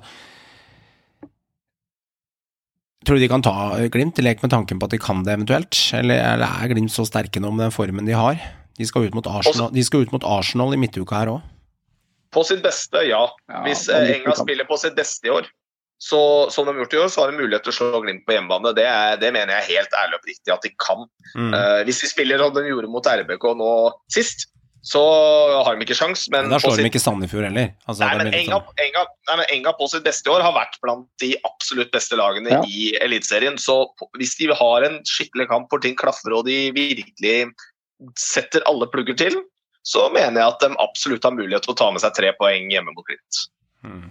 Men, jeg må si at uh, Vålerenga uh, savna virkelig Stefan Strandberg som leder bak der mot, Mm. mot Rosenborg. Altså, Oldrup Jensen er ikke i nærheten eh, som stopper. Han eh, ble veid og funnet for lett. Altså. Det er jo en vikarløsning som stopper, er jo egentlig en dyp midtbanespiller. Eh, Ja. Stefan Strandberg han har vært god han og viktig for Vålerenga og vært med på den oppreisninga, men eh, så begynte han å slite med skade ganske fort. da. Og det merker Vålerenga. De, har ikke- de har ikke en erstatter i nærheten av hans kvalitet. Og det, Jeg håper jo for Vålerenga sin del at han er tilbake ganske kjapt. Fordi eh, hvis de spiller som mot eh, Rosenborg nå sist, så blir de feid av Glimt. Eh, men, eh, men, men igjen, som vi snakker om, Glimt kommer til å ha en jævlig seig kamp i beina eh, på torsdag eh, mot Arsenal på Aspmyra. Som for øvrig er en vanvittig fet kamp, da. Altså, Premier League-lederen kommer opp til Bodø, liksom. Den kommer vi tilbake til, den kommer tilbake til etterpå, Den eh, kommer tilbake til. Det, jeg personlig gleder meg enormt til den kampen. Mm. Ja, det De er bør, jo nesten, de bør jo nesten stille med, stille med å spare de beste spillerne sine i kampen. Vet du. Ja, men det det blir sånn todelt, da. er Jo, eh, Nesten bør de det. Det blir sånn Det gjør de ikke. For å snakke litt om. Vålerenga og Bodø-Glimt, da, den kampen her, Meran. Fordi at de har da spilt eh, eh, i helgen, så har de møtt Arsenal, så har de spilt i helgen, og så skal de møte Arsenal igjen, og så skal de møte, uh, møte Enga borte. Det begynner å bli en sånn fem-seks kamper på en to og en halv uke. Eh, en eller annen gang så, ja. så, begynner du å kjenne syre, og at det ikke er så mye melk igjen i det glasset. Ikke sant? Du kan si at det skal være en grei skurring, men Vålerenga borte er et røft lag, og det er ikke mange sjanser Børven trenger. og eh, Ofte er det sånn eliteseriestandard. Har du blitt flådd på Lerkendal, så slår du ofte tilbake mm. igjen i runden etter. Ja. Det er ofte en sånn typisk eliteserieting.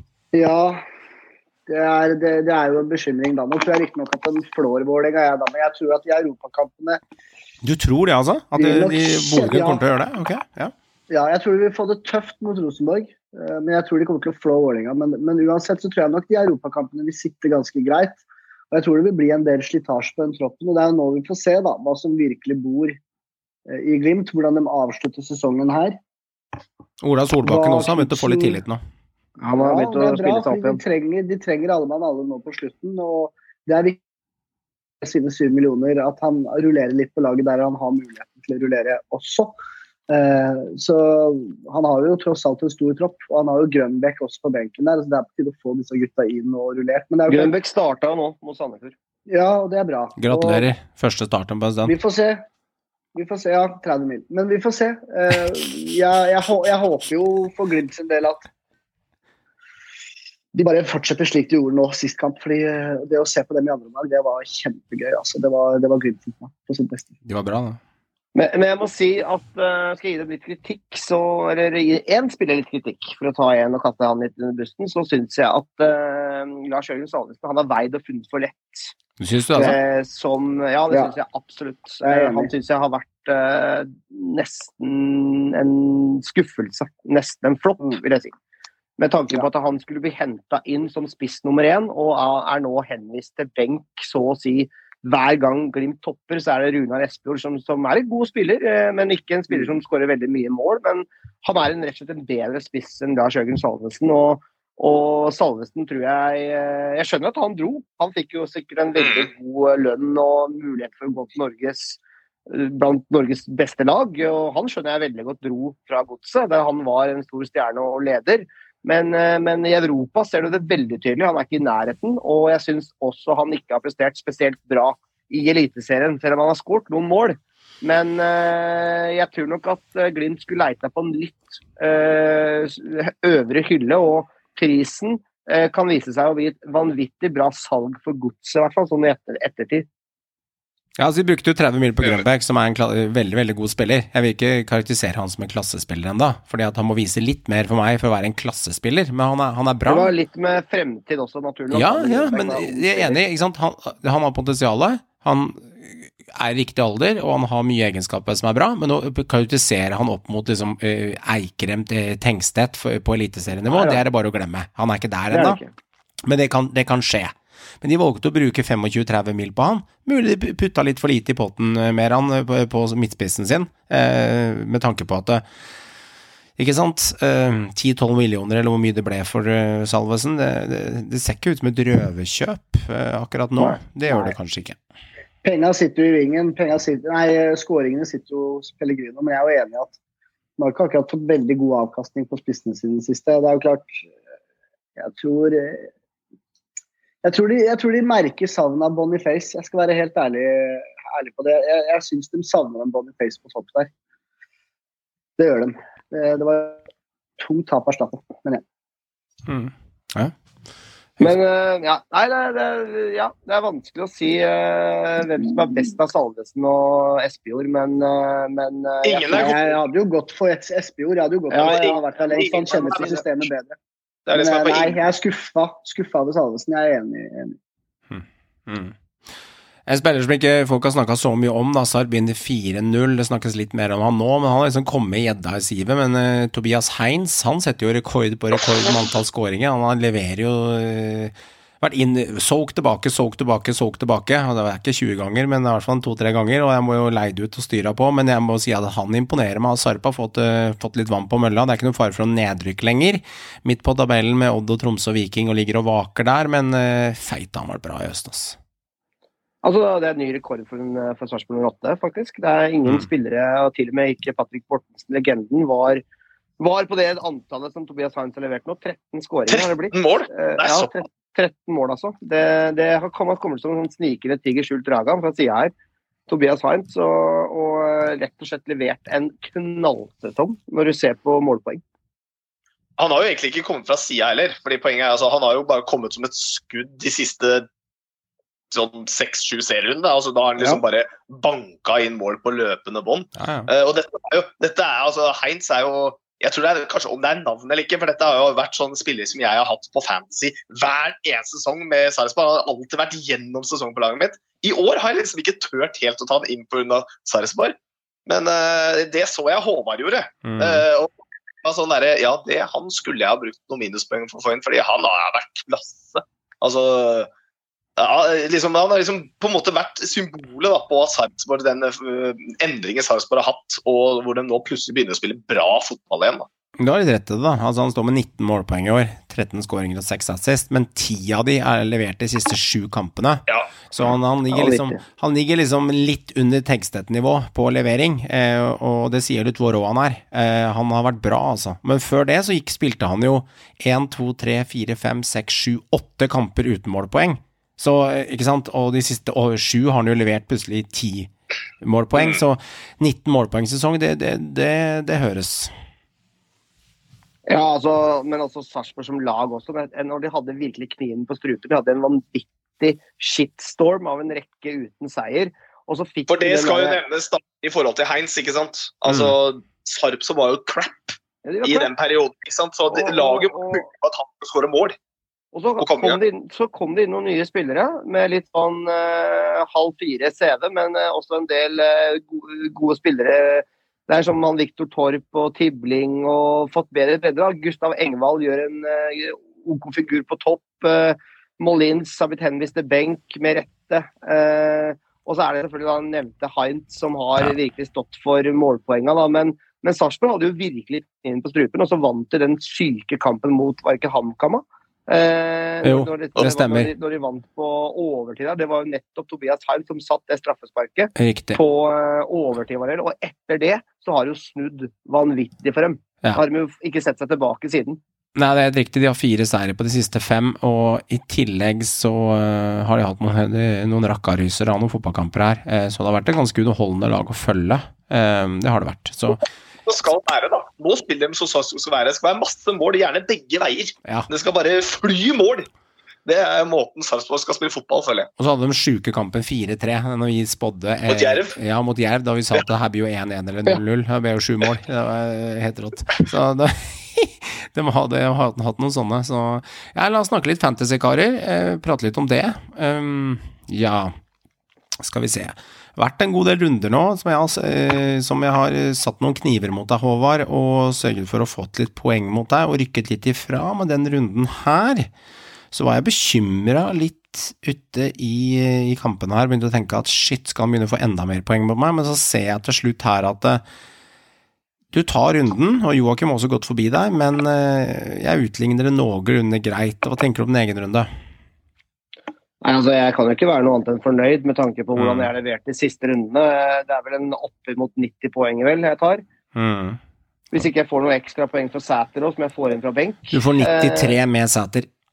Ja, og det, det er solid. Jeg kan ikke Ja. være misfornøyd. Det er bra, altså. Jeg kan ikke være misfornøyd med den. Jeg måtte levere nå, men etter noen eh, svake runder og også glemt å bytte på laget. Så nå, nå tok jeg faktisk noen minus, rett og slett for å bare gønne på litt med laget mitt. Jeg hadde veldig trua på Molde, jeg hadde veldig trua på Glimt. eh, Jeg hadde veldig trua på Tobias Hides med tanke på hvordan han har levert det. Og der Mm. traff jeg jo veldig bra, men uh, treffer OK på kapteinsvalg med Brynildsen som skårer mål. Men jeg skulle jo selvfølgelig ønske at det hadde stått f.eks. på Heinz, hvis jeg hadde turt å gamble på det. Da. Det hadde vært rått. Det hadde vært, det tror jeg ikke det er mange som hadde satt heller, faktisk, med, med cap på Heinz. Så, Kanskje men, det du må eh, gjøre på slutten nå? Kanskje du må gjøre ja, noe sånt? altså, det, og det er det jeg faktisk gjorde nå. For jeg ser at vi har, eh, selv om du også får en bra poengsum, så er jeg nødt til å på en måte tenke litt motsatt av hva du tenker. Jeg er nødt til å gønne litt på med det. Eh, Mm. og det jeg må ta litt sjanser, da, rett og slett. Og Mm. det traff jeg bra på nå. Jeg tok jo også minus åtte, faktisk, eh, Mm. for å bytte på laget mitt. Det er kanskje det du Eh, må. Ja, altså det, det tror jeg jeg må ta noen jokersjanser etter å ha drevet og sovet litt i timen i flere runder nå. Så det, det var deilig med en opptur, i hvert fall.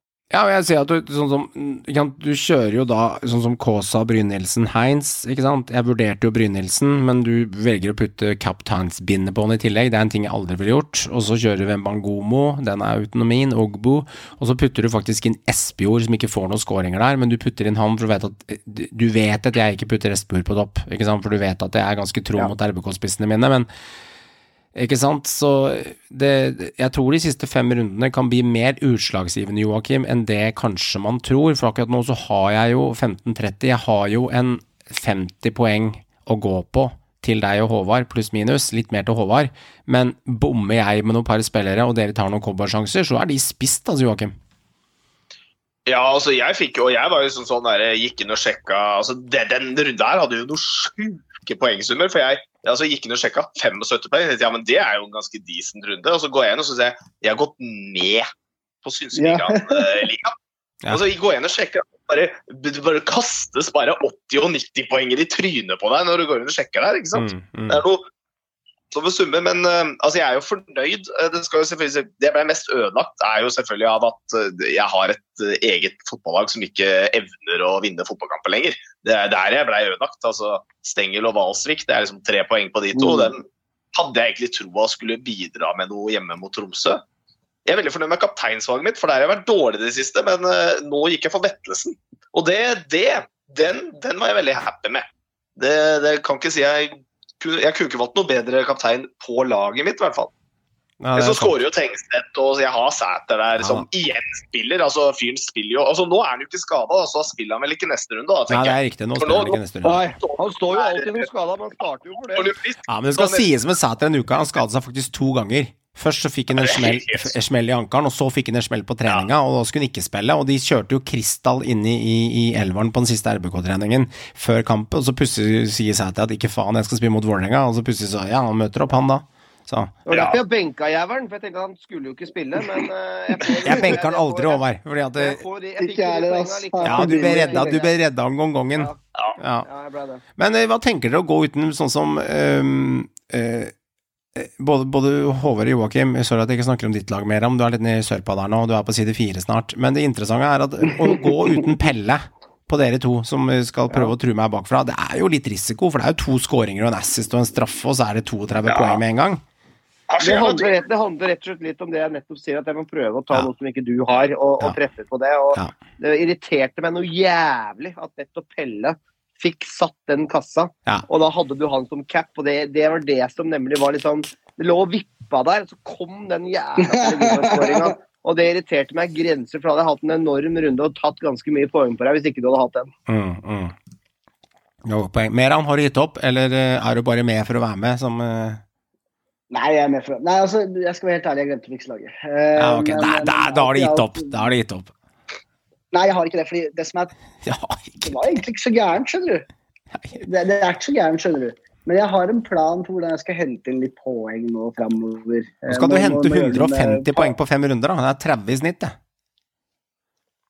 Ja, men jeg, jeg har fortsatt noen chips igjen. Og det, la, la gutten holde motivasjonen oppe, det er viktig. Det Ja, ja, ja, ja, ja. Jeg Igjen, Obos Mera? Det spiller ingen Det er samme, igjen, igjen så sitter ja, jeg, altså, jeg, igjen, jeg sa jo jeg ikke skulle gjøre det, men jeg sitter igjen med chips. Og jeg vet, jeg gjør hvis det jeg, hvert. Jeg er den runda jeg bruker det nå lifestyle. Jeg bruker ikke chips. Det kommer ikke til å funke når jeg bruker det. det er jeg helt sikker på. Jeg kommer til å kjøre av gårde en av de nå, så bare får jeg til sammen sånn Jeg kjører spissrush, og så får alle to poeng. Altså, i Ja, to poeng! Åssen chips er det du har igjen, Joakim, for å snakke litt om det? Jeg har to kapteiner og spissrush. Oh, de shit, to. du har litt, ja. Ok. To, Oh, to kapteiner og spissrush? Grunnen til at jeg har med, er jo fordi at i all tida vi har spilt fancy, så har jeg vel aldri truffet på noen av dem. Nei, men det er, jo, det er jo bare oppside ved chips, og du kan jo ikke få minus for det. Så jeg bare er tenker Nei, så, så Ja, jeg har bare spissrush igjen. Håvard, hva har du igjen? Jeg har bare spissrush, tror jeg. Jeg tror jeg har det. Ja, ikke sant? Så, Jeg tror jeg har det. Hmm. Jeg, vet, jeg ser i hvert fall Off-Keer spiller hjemme mot Jerv til helga, og han har ikke dere, så da er det bare å få han inn, da, for det er scoring assist, det, gutta. Så vi får se. Ja, Nei, har den jeg. Må du roe ned. Ja, greit, du jeg har Off-Keer, Off-Keer, ja. Ok, ok, ok, greit. Jeg har hatt den lenge. Ja. Hvem skal jeg vrake? Vrake Tegstedt, da, for å lage litt humor her. Kanskje det er smart? Kanskje det er denne runden han ikke får noe? Mot Godset hjemme. Ja. Ja. Å, herregud. Han kommer Ja, ut og han skårer fire mål. cappes mot godset. Ja, ja. Går det å skåre fire mål? Det Ja. er jo Han helt er en sterk kandidat til kaptein, i hvert fall, Tengstedt, tror jeg. Ja, det er ganske mange. Mm, ja, men det er gøy, da. Det er gøy at det er litt vanskelig. At eh, Pelle er kapteinmateriale, Vetlesen er det, Tengstedt er det, altså Sæter kommer også å være det. Så det er litt sånn derre Jeg vil jo absolutt si at Ole er det. Han har skåret i fire-fem kamper på rad. Ja, Brynildsen også er det. Ikke sant? Det er mange som er det her. Men kanskje Heinz òg. Ja, ja, ja. Ikke sant? Men det er jo litt mer cowboy å kjøre en sånn, selv om man har statistikken på sin side. Men uh, det, er, det er muligheter. Det er eh, helt klart muligheter. Joakim, har du, uh, har du reda en liten quiz til oss? Jeg gleder meg. Jeg har den redo. Eh, den er jo ikke noe forandring for dere, da. Det er jo, nå må dere bare omstille dere fra hurtigquizen Ja. og komme dere tilbake til standardquiz, hvor dere får litt tid å tenke på og kan Mm. roe ned litt. Grann. Google er ikke lov, Krog. Nei, Ja, men du, hør nå, hør nå. Nå må du slutte med sånn Ja, ja. Må du slutte med sånn tullegreier. Du vet ja at, du vet ja at den gamle utsagnet at den som er mest opptatt av noe, det er ofte den som er mest skyldig. Man kjenner seg selv best på andre. Så Det eh, er fei- Fei for egen brødskive, du, som jeg bruker som IT-uttrykk. Eh, så tenk på deg selv, du. Eh, eh, Joakim, hva er kategoriene, så jeg kan skrive de ned, så jeg slipper å spørre deg. si- eh, det er jo de, det er tre stykker igjen nå før dere ble ferdig med en eh, sist runde. Ja, men de fylles jo på. Ja, men jeg har ikke fylt på noen nye nå. Nei. Nei, Nå er det er de. De samme tre som dere er vant til. Det er hvor er de nå? Mm, Hvilken klubb snakker vi om? mm. er det den jeg liker best, da, den som egentlig bare heter Johan-kategorien, da, som er eh, hvilke fem siste vil vi fram til her? Hvor du får uh, Johan-hint. Ja, det, Og den Men sitter du og skriver på PC-en nå, Krog? Ja. Det ser jeg. det gjør jeg. Men du, hvis du lytter, eh, og ikke er mer opp og bare høre, og bare lytte, så sa jeg at gi meg kategoriene, så skal jeg skrive det ned, sa jeg til. Ja. Ja. Så skriv inn uh, kategoriene han vet hva han har å jobbe med her. Ja, takk skal du ha. Da har jeg skrevet opp hvor er det nå, hvilken klubb og Ja. Johan-kategori. Takk skal du ha. Yes, ja. Jeg skjønner hvem du mener når, hvis du ber om den Ja, kategorien. jeg skjønner hva du mener. Bare fort igjennom. Det er maks eh, tre spørsmål hver. Dere får 60 sekunder per spørsmål. Mm. Og så poengfølgen, den er jo grei. Dere kan bruke hjelpemidler på alle, men da mister dere fem poeng. Mm, Eh, så det er, jo, er dere innafor. Og dere kan ikke velge samme kategori to ganger. skjønner. Eh, og da er det Johan som får lov til å begynne denne, runden her, faktisk. Det er ikke noe tvil. Det er Johan-kategori, ferdig. Det er Johan-kategori. Hvilke fem vil vi frem til her? Ja, ja, bare kjøre. Ja, ja, da står vi med to, tre, fire, seks, sju, åtte og ni. Hvem bør jeg velge? Det er helt Ni. åpent. Ni. Greit. Da kjører vi ni. Ja. Eh, da kommer det Sarpsborg 08, Ålesund, Molde, Start, Sandefjord. Sarpsborg 08, Ålesund, Molde, Start, Sandefjord. Ja. Skal jeg skjønne resten nå, er det det du mener? Nei, altså som jeg har nevnt tidligere, her, det er en fordel å bruke den eh, og, og ta et hint her. Den, Ja. den er ikke, den er hvis, ikke enkel ok, å så hvis uten ikke jeg tar et hint nå, så må jeg gi et svar ut fra de fem laga. Ja, ja, nå må vi svare ut fra de fem lagene. Liksom. Altså, hva er dette de fem siste lagene som de på en måte har, eh, har da? De fem siste sesongene. Sarpsborg 08, Molde, Ålesund og to Start, Start. Sandefjord. Sandefjord. Ja, men da er jeg liksom plikta til å kjøre et hint, da. Jeg skjønner jo at det blir veldig vanskelig uten hint der. Ja, Det, det er det. Åh, jeg, jeg liker den kategorien, jeg, selv om man er tullete. hva er Så jalla liker hintet? Jalla-hintet er 'alt er lov i krig og fred'. Alt er lov i krig og fred. Det er jo Kjærlighet er jo lov i krig og fred. Ja. Men Har du en god ti sekunder å svare på, Klokk? skal du kjøre inn der. Jeg svarer jo kjærlighet, da, hvis det som skal være Ja, Nei, det, det er svaret kjærlighet. ja altså, hintet ditt er ikke veldig det er riktig. Hintet ditt er jo helt Jo sinnssykt svakt, Nei, men nei, eh, nei, nei. hør nå. Hør nå Spille for for motstanderlag Altså, sp spilt for alle klubbene. Har tida gått? Ja, nei, ja, tida er gått, så det er greit. Det her var den ikke letteste, den kategorien Nei, her. Det det var letteste kategorien. Det, er helt, det, det, det var det overhodet ikke. Nei. For svaret er jo, hvis du ser det på det faglige poetiske, jeg som er litt poet, svaret er jo kjærlighet. Men jeg tviler på at det er svaret her. Ja, det er faktisk helt omvendt. Ja. Eh, Det er fordi hat, det det. er, ja, det er lagene med flest kort i løpet av sesongen de siste fem sesongene. Ah. Veldig, veldig søkt. Men ok, Så, vi, vi... så, så hintet Jeg syns hintet er bra. Jeg, jeg liker det hintet.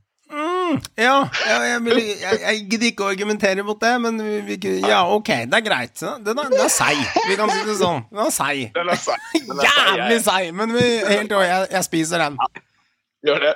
Spis, Greit. spis. Håvard, dra i land noen poeng her og spise Ta, deg. ta min favorittkategori. Hvor er de nå? Ja, det, du går rett dit, vet du. Der er det to, tre, fire, seks og ni. Seks. Seks. Skal vi se ja. ja. Selvfølgelig den nå, vet du. Herregud, ass. Kommer til å ta den der. Er du klar? Ja.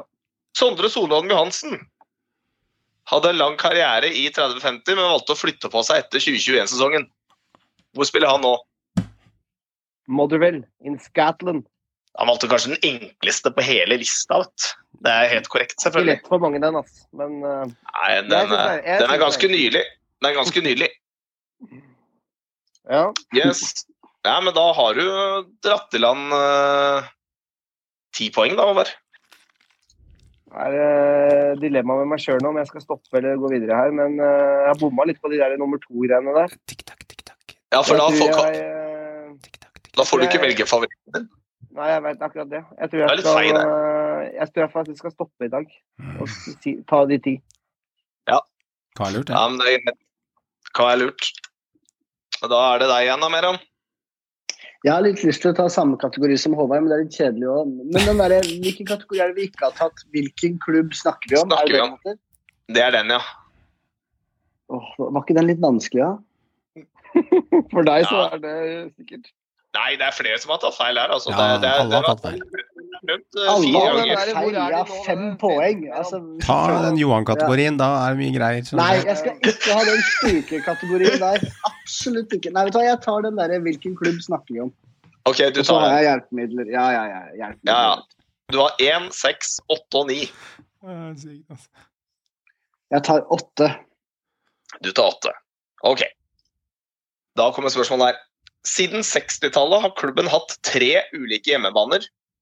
Klubben hadde sin storhetstid på 80-tallet, og sitt første år så het klubben Idrettsforeningen Spring. Å, fy faen. Det er mulig, eller? Det er mulig Hva har vi av hjelpemidler her, da? Nei, det er jo da du kan enten du kan jo, Her kan jo faktisk første bokstav være av betydning, for der får du jo første bokstaven i klubbnavnet. Eh, alternativt kan du få fire alternativer. Nei, gi meg fire alternativer, du. Så gambler vi, for dette er hofteskudd uansett. Det skjønner Ok, fire alternativer. mm. Moss, Lillestrøm, Vålerenga eller Lyn? Da sier jeg Moss. Fordi navnet Spring, jeg vet ikke hvorfor, ass, men uh, det, det gir meg Moss-vibber. Gir deg Moss-vibber? Det det burde gitt deg Oslo Øst-vibber. Ja, egentlig, når jeg tenker det meg om er Vålerenga. stadioner. Faen, Ja, jeg, hadde ikke, jeg var sjanseløs på det spørsmålet der. Jeg skjønner jo nå at jeg må egentlig bare holde meg på Håvard-kategorien resten av det. mer om du kunne resonnert at Vålerenga har flytta inn og ut av Ullevål og til Bislett, og du kunne Ja, ikke jeg tenkt veit, sånn. men jeg vet. Men samtidig, Ja. når, vi å, når vi begynner å snakke 60-tallet, så har allerede hjernen min Ja, ja, ja. forlatt Men, den eh, quizen her for lenge siden. En liten eh, positiv ting, da. Nå begynner det å ryke litt uh, kategorier her. er og de neste, de neste dem, dem tror jeg blir eh, litt mer intuitiv og litt mer sånn spot on. Ok, Hva er resultatet før vi går videre? Nei, nå har jeg har spist inn litt grann Håvard, da. Johan står jo med 35, og Håvard står med 25. Ok, Og Meran står med sine fem. ja, men Det er bra det, Meran. Fem poeng. Ja, ja, det er bra, det. Det er fint. Jeg er fornøyd. Ok. Karer, neste rundespådom. Der var det en kamp som var utsatt pga. noe flytrøbbel og noe styr. Det var Jerv-Ålesund. Den ble utsatt, så den havna på Meran. Men det betyr, Meran, at du får doble poeng i Molde-HamKam. Så da er det spørsmål om du har truffet, da. Og det har du. Ja, Men du bomma med én scoring. Det vil si at det ble Det er helt utrolig. 4-0, 5-0. Det er uansett uh, godt spotta, så du får ett poeng for riktig seierherre, men du får også ett poeng til fordi du får doble poeng siden den ene kampen er utsatt. Så to poeng går til deg. Joakim treffer med seierherre i Sarp Haugesund, og du treffer spot shit banana on på Glimt Sandefjord. Så det er to poeng, så der får du tre poeng den runden her. Én for Sarp-kampen og to for Glimt. Undertegnede Johan får ingenting. Jeg bommer med en scoring begge veier, og Håvard får ett poeng for RBK Enga. Så der er det poeng. Så det vil si at sammenlagt så har Håvard 27, Joakim 25, Meran 28 og Johan 22. Så jeg ledet til sommerpausen, men jeg har gått på en høstsmell.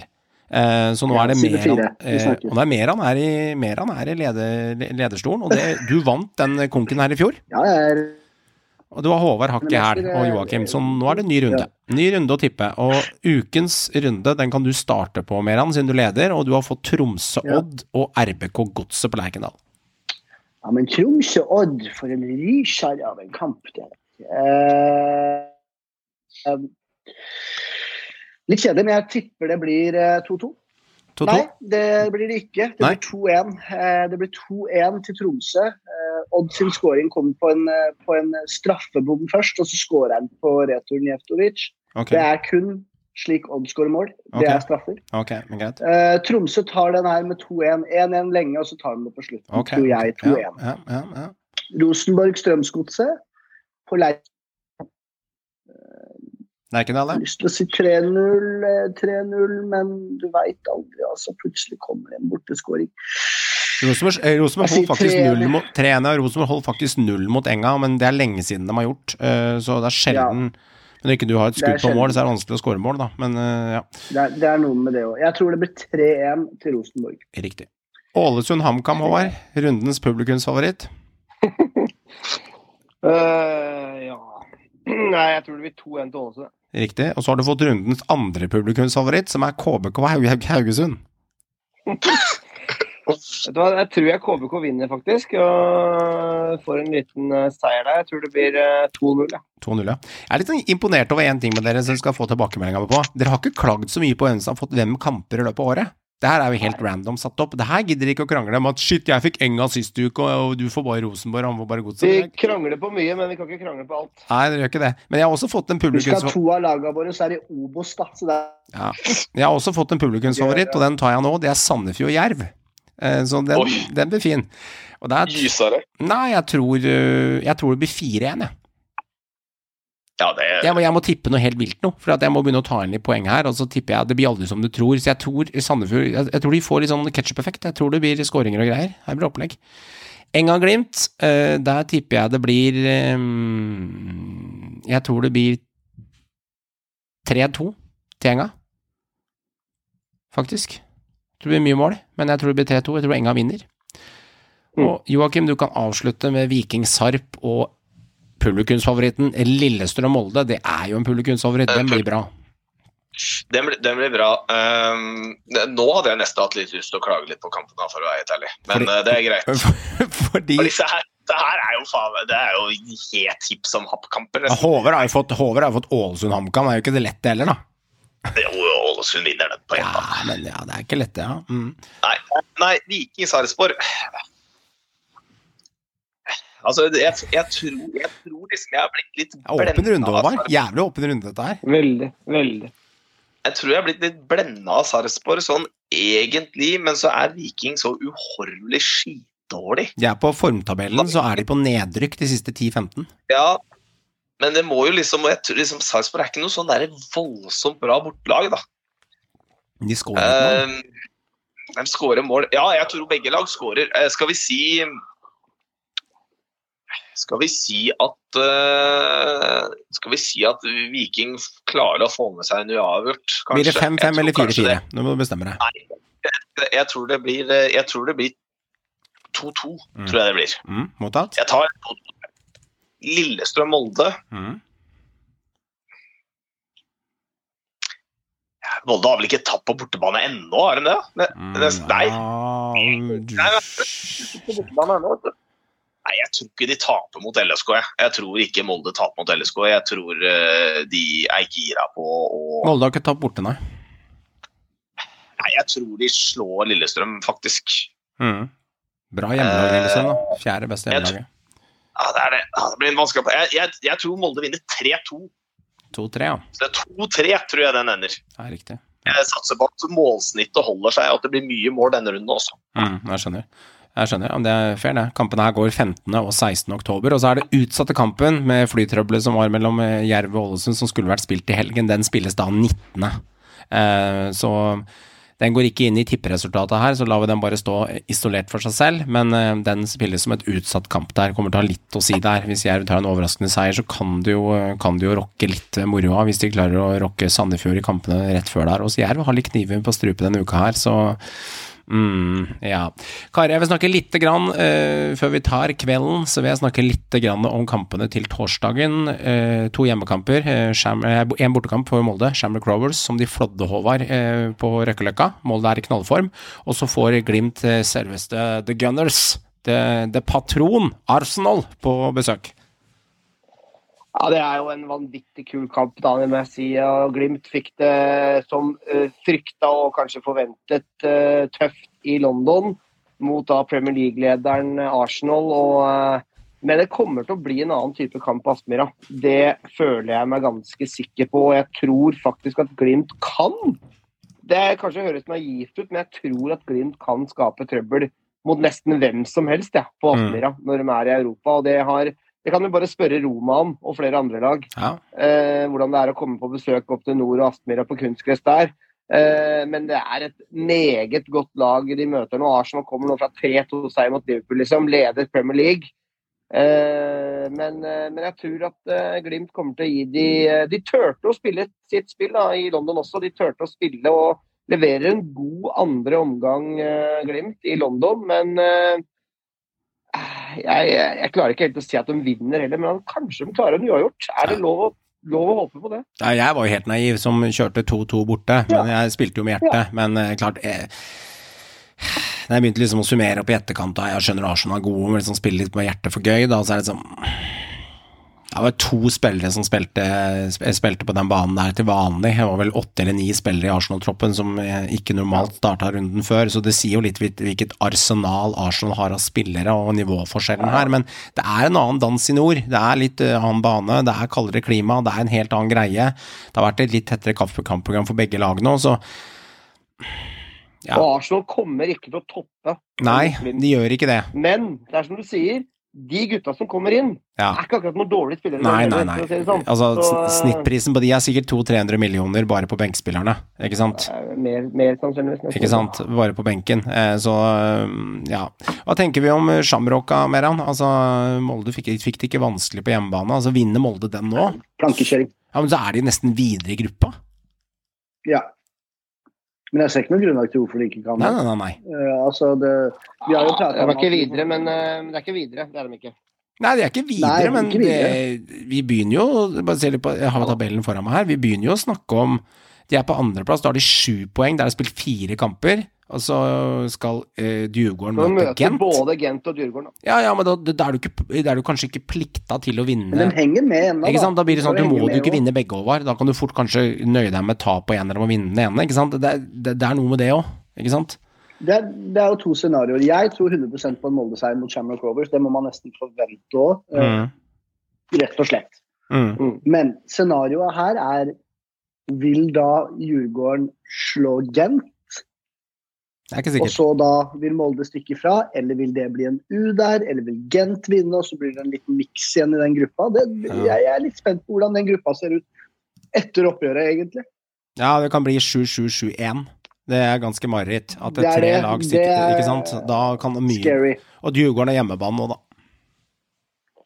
Men det blir jo spenning til siste slutt i den gruppa til Molde der. Jeg gleder meg jo til den norsk-svenske duellen der med Molde-Djurgården på, på Røkkeløkka. Den tror jeg blir eh, meget avgjørende. Så skal jo Molde en tur til Belgia. Det, det, er, det er, tøft nok, det. altså Borte mot Gent der med Jens Petter Haug og Andreas Hanke Olsen. Det er ikke noe kasteball, det Gent-laget heller, altså. Så eh, det, det, det, blir, det, blir, det, blir, tett og jevnt mellom de tre lagene. Så har du den der skikkelig publaget i bånn der som ja eh, som ikke har nubbesjans, for å si det rett ut. Ja da, det er, men det er liksom derfor det blir litt sånn at um, Molde må nesten vinne den kampen som går. Ja, de må det. De må det, for hvis ikke de gjør det, så det, det, kan bli litt um, Ja, det, for, for, de, må, de må slå Shamrock. Ja, for Gent og Djurgården kommer de kan sannsynligvis kanskje ikke til å tape mot de, ikke sant? Og da, da er de litt sånn seildraktige ut hvis ikke det skjer, så ok. Lykke til på torsdag, klokka sju og klokka ni. Og det er Bodø-Glimt som starter der, eh, den matchen. Forrige gang så var det Glimt som avslutta, men nå er det motsatt. Ok. La oss gå til Obos-hjørnet. Det er jo gledens dag i Obos! Fordi at endelig så har jo Brann tapt en fotballkamp, og man kan begynne å kjenne på gleden av at det, de er ikke umenneskelige, Joakim. Altså, de møtte liksom nemesisen sin, som liksom skulle graves under, dvs. Si Mjøndalen, som alltid er et mareritt for Brann. Men det er noe med denne statistikken, da, at de vinner jo nesten aldri borte på konsto. Og det, selv om de flådde dem 14-0, for å, jeg vet det ikke var 14-0, det var 6-0 eller 7-0 eller noe hjemme i Bergen, så, så endte det med 3-1-tap her. Og ja, ja, ja, hva tenker vi, karer? Det er jo en fordel, da, tenker jeg da. Ja. Altså, det, det, fordi altså, Brann tapte jo den kampen de skal tape i år. Så vinner de sikkert resten. De vinner sikkert de siste kampene, ikke noe problem. Men den kampen Brann skal tape, det er borte mot Mjøndalen. Uansett hvor dårlig Mjøndalen er og hvor gode Brann er, så skal de tape der. Ja, og da, da, da, har de, nå har de unnagjort det tapet, så kan de bare avslutte med stil, tenker jeg. Og Det som er smått ironisk, er at dette her var den første kampen jeg har dratt på i år med Brann. Og, eh, og tok med meg eh, dattera mi og skulle kose oss med Brann flådde Mjøndalen. Nemesisen Mjøndalen, som de aldri slår på konto. Det gjorde de faen ikke nå heller. Nei. Så det var eh, Jeg, jeg sto vel en par meter fra ryggen til Hornland og hørte han skrike og kjefte og gikk fram og tilbake som en, en fyr på plata, for å si det rett ut. Han ble mer og mer forbanna og skreik mer og mer utover kampen. og og eh, Brann leverte jo eh, dessverre en ganske under par i forestilling, mens Mjøndalen var virkelig skrudd på og, og ligna litt på gamle Mjøndalen med kriging og kjemping og blø for drakta og ligge bakpå og stenge, stenge, stenge, parkere bussen på mange måter og prøve å kontre. da, Og kriger og kjemper på dødballer osv. Så, videre. så så Brann eh, var ikke veldig god der, og du ser liksom at eh, litt av futten var borte da, for det, for det Brannlaget. Og hadde en dårlig omgang mot Stjørdalsblink sist også, men så kjørte de på og vant 5-0, liksom. Men, men uh, på 1-1 har Brann i stanga, ligger og vipper, og så er det, så er det da Mjøndalen som på en måte setter 2-1 og 3-1 der. Så, men altså, de har råd isolert de har rykka opp, de har råd til å tape, selvfølgelig. Men det, er nok litt, det stikker nok litt ekstra at det er mot nettopp MIF igjen. At det laget klarer de faktisk på en merkelig måte ikke å slå borte, da. Mm, mm. Jeg ser den. Jeg ser den. Ja. ja det er litt eh, Det er nesten litt sånn sjarmerende at uh, uansett liksom hvor god brann, uh, gode Brann er De var så elendige i Eliteserien og uh, de opprykkskampene og hvordan det var. Og så, og så, har de vært så råe nå i Obos, der det har vært helt enorme resultater. At det er nesten litt sjarmerende at sånn som Joakim sier, at det, det går ikke. Det, det, er, det, viser jo liksom at det, det, ligger noe i det, faktisk. Det er, ikke, det, er, det er et lite spøkelse der som, som kommer til å henge ved dem. Men det er ikke det litt av greia greia med Brann som fotballklubb over, at det skal være litt sånn? Jo da, de har vel ikke slått Mjøndalen siden 70-tallet, tror jeg, borte. Det er noe sånt, altså. Det er ganske vanvittig. Ja. Så eh, Det sjukeste er at jeg, jeg var jo på Konst og fjor òg, jeg, når de rykka ned. Og da klarte de heller ikke å slå dem, naturlig nok. Da ble det 2-2 eller 1-1 eller hva det var for noe. Ja, eh, spilte mot ti mann i over en omgang og klarte faen ikke å vinne da heller. Nei, så Nei, det var, eh, det var, litt eh, rart, da. Men eh, det var jo uansett gøy å se laget sitt, da. Det, det er jo. Og fin, fin skåring av Sven, Krone, men skuffende da når jeg først får surra meg på kamp! At de faen meg taper. Men sånn er det. Stabæk Ameran, hvordan er, hvordan ja, er, hvordan er? La meg sette stemningen for hvordan uken her skal gå, Johan Krogh. Ja. Det, som skjer, det som skjedde i dag, var at vi spilte uavgjort mot uh, KFUM. Det, helt greit. Skulle gjerne hatt en seier bare for å parkere dem helt, men uh, helt greit med, med, med, et poeng der. Vi er nå fem poeng foran KFUM, seks poeng foran bedre målforskjell enn begge lag. Hvis KFUM går på en skrell neste kamp, og Stabæk slår Ranheim på Nadderud Mine herrer, da skal jeg storme Nadderud stadion. Jævla Moss Abdelaue. Ja, dere hørte riktig. Mustafa Abdelaue spolerte min banestorming i 2018, når vi holdt på å sikre plassen, ved å skåre i den 92. minutt. Men da sikra godseplassen, husker jeg. Helt riktig. Ja. Hvis gudene er med oss nå, så kan jeg i teorien, eller vi, da, unnskyld, Stabæk, i teorien, sikre opprykk nå på søndag hjemme mot Ranheim ved å ta en seier der. Og så stormer vi banen. Alle mann og kvinner, hånd i hånd. La oss bare nyte det her. Fy fader, for et år. Et år med drit, og så endelig kommer Lars, og så Åh, jeg unner meg Eh. sjøl det her. Jeg unner meg sjøl den storminga her. Jeg skal storme som jeg aldri har storma før. Og kanskje dere klarer å ha halvfull stadion da, for en gangs skyld, eh, Meran. Ja, nei, jeg tror nei, altså, det har tatt seg opp nå, så vet vi at Lars har kommet inn, eh, Håvard. Vi, det, det, tilstanden nå når det kom 600-700 kroner- eh, s- mennesker på kamp. 600 Altså, den hoved... Nå er, nå Nei, er det altså ikke det engang. Ja, men jeg kødder ikke. På det verste med Kjøne så kom det 600 personer og så på en Obos-ligakamp. Fordi de gadd ikke det rælet der lenger. Nå er det nesten stinn brakke. I hvert fall fra hjemmesupporterne da, hver gang, eh, hver gang eh, vi har kamper nå. Ja, det er bra, det, da. Jeg tror de tjåka fullt mot Ranheim. Mot Ranheim nå så tror jeg det blir eh, stinn brakke. Jeg gleder meg. Endelig har vi skjønt at, eh, har NFF skjønt at den kampen skal spilles på en søndag. Og jeg og min Stabæk-kompis Nick vi skal dra, vi skal storme banen og vi skal, vi skal ha den oppturen her. For det unner jeg oss. Jeg unner alle mine Stabæk-venner en opptur i år. Og jeg unner deg, Meran, at du blir med oss Takk. opp i det gode selskap. At Ja, vi gode selskap. kan kose oss i Synseligaen neste år med våre år. kjære lag oppe igjen. Det blir vakkert og deilig, og det var det vi Nydelig. håpa på i dette Obos-møkket. At vi skulle komme oss Drit opp, begge to. Søppelliga, det- jeg sier det. Nå er ligger dere jo an til, selv om jeg har kost meg i Obos, jeg, altså, Obos F1, det har vi snakka om i hele år. Kost meg gløgg med denne sesongen her. Kjøtt. Opptur hele jævla veien. Jeg syns det var en, en artig case med Lars Bohin i dag. Og det gikk jo utover Ja. Curtis Edwards. Ikke noe stakkars. Han har seg sjøl å takke. Helt enig med Lars. Han ble nappa av så. Etter 30, 34 minutter så ble Curtis Edwards nappa. Og det sier jo litt om Lars, da. Han forventer full innsats. Fokus. Det er ikke noe slurv. Slurv i valsen som eh, hos Lars. Så Nei. han nappa han godeste engelskmannen rett av banen, han. Ja, det er fair, det. det er fair. Jeg likte det. Fair det. Det var jo sånn møte jeg og Joakim skulle ha ut i januar måned. Eh, det tror jeg vi setter strek over. Det var 12.-13. januar, eh, før vi liksom begynner å spille Synseligaen Ja, etter Da, da vi skulle ha, da vi skulle, du mener da vi skulle ha sånne auditions? Nei, ikke auditions. Vi, det, er, det er det andre. Nei, det, det møtet du og jeg skulle ha, bare du og jeg, om, om Ikke si det! Jeg får meldinger på Insta. Hvis ikke ja, Vent litt nå. Hvis ikke mm, Hvis ikke Brann eller eh, Stabæk hadde rykka opp, så er det sånn at du kan ha ett år i Obos for å være en del av Synseliga-medlem, men du kan ikke ha to år jobb hos Meran. Så, du, du, du, så din skjebne hadde hengt i en tynn tråd, så Stabæk er nødt til å levere. Håvard har sikra seg dette siden sesongen starta i år, at han er en del av Synseliga neste år.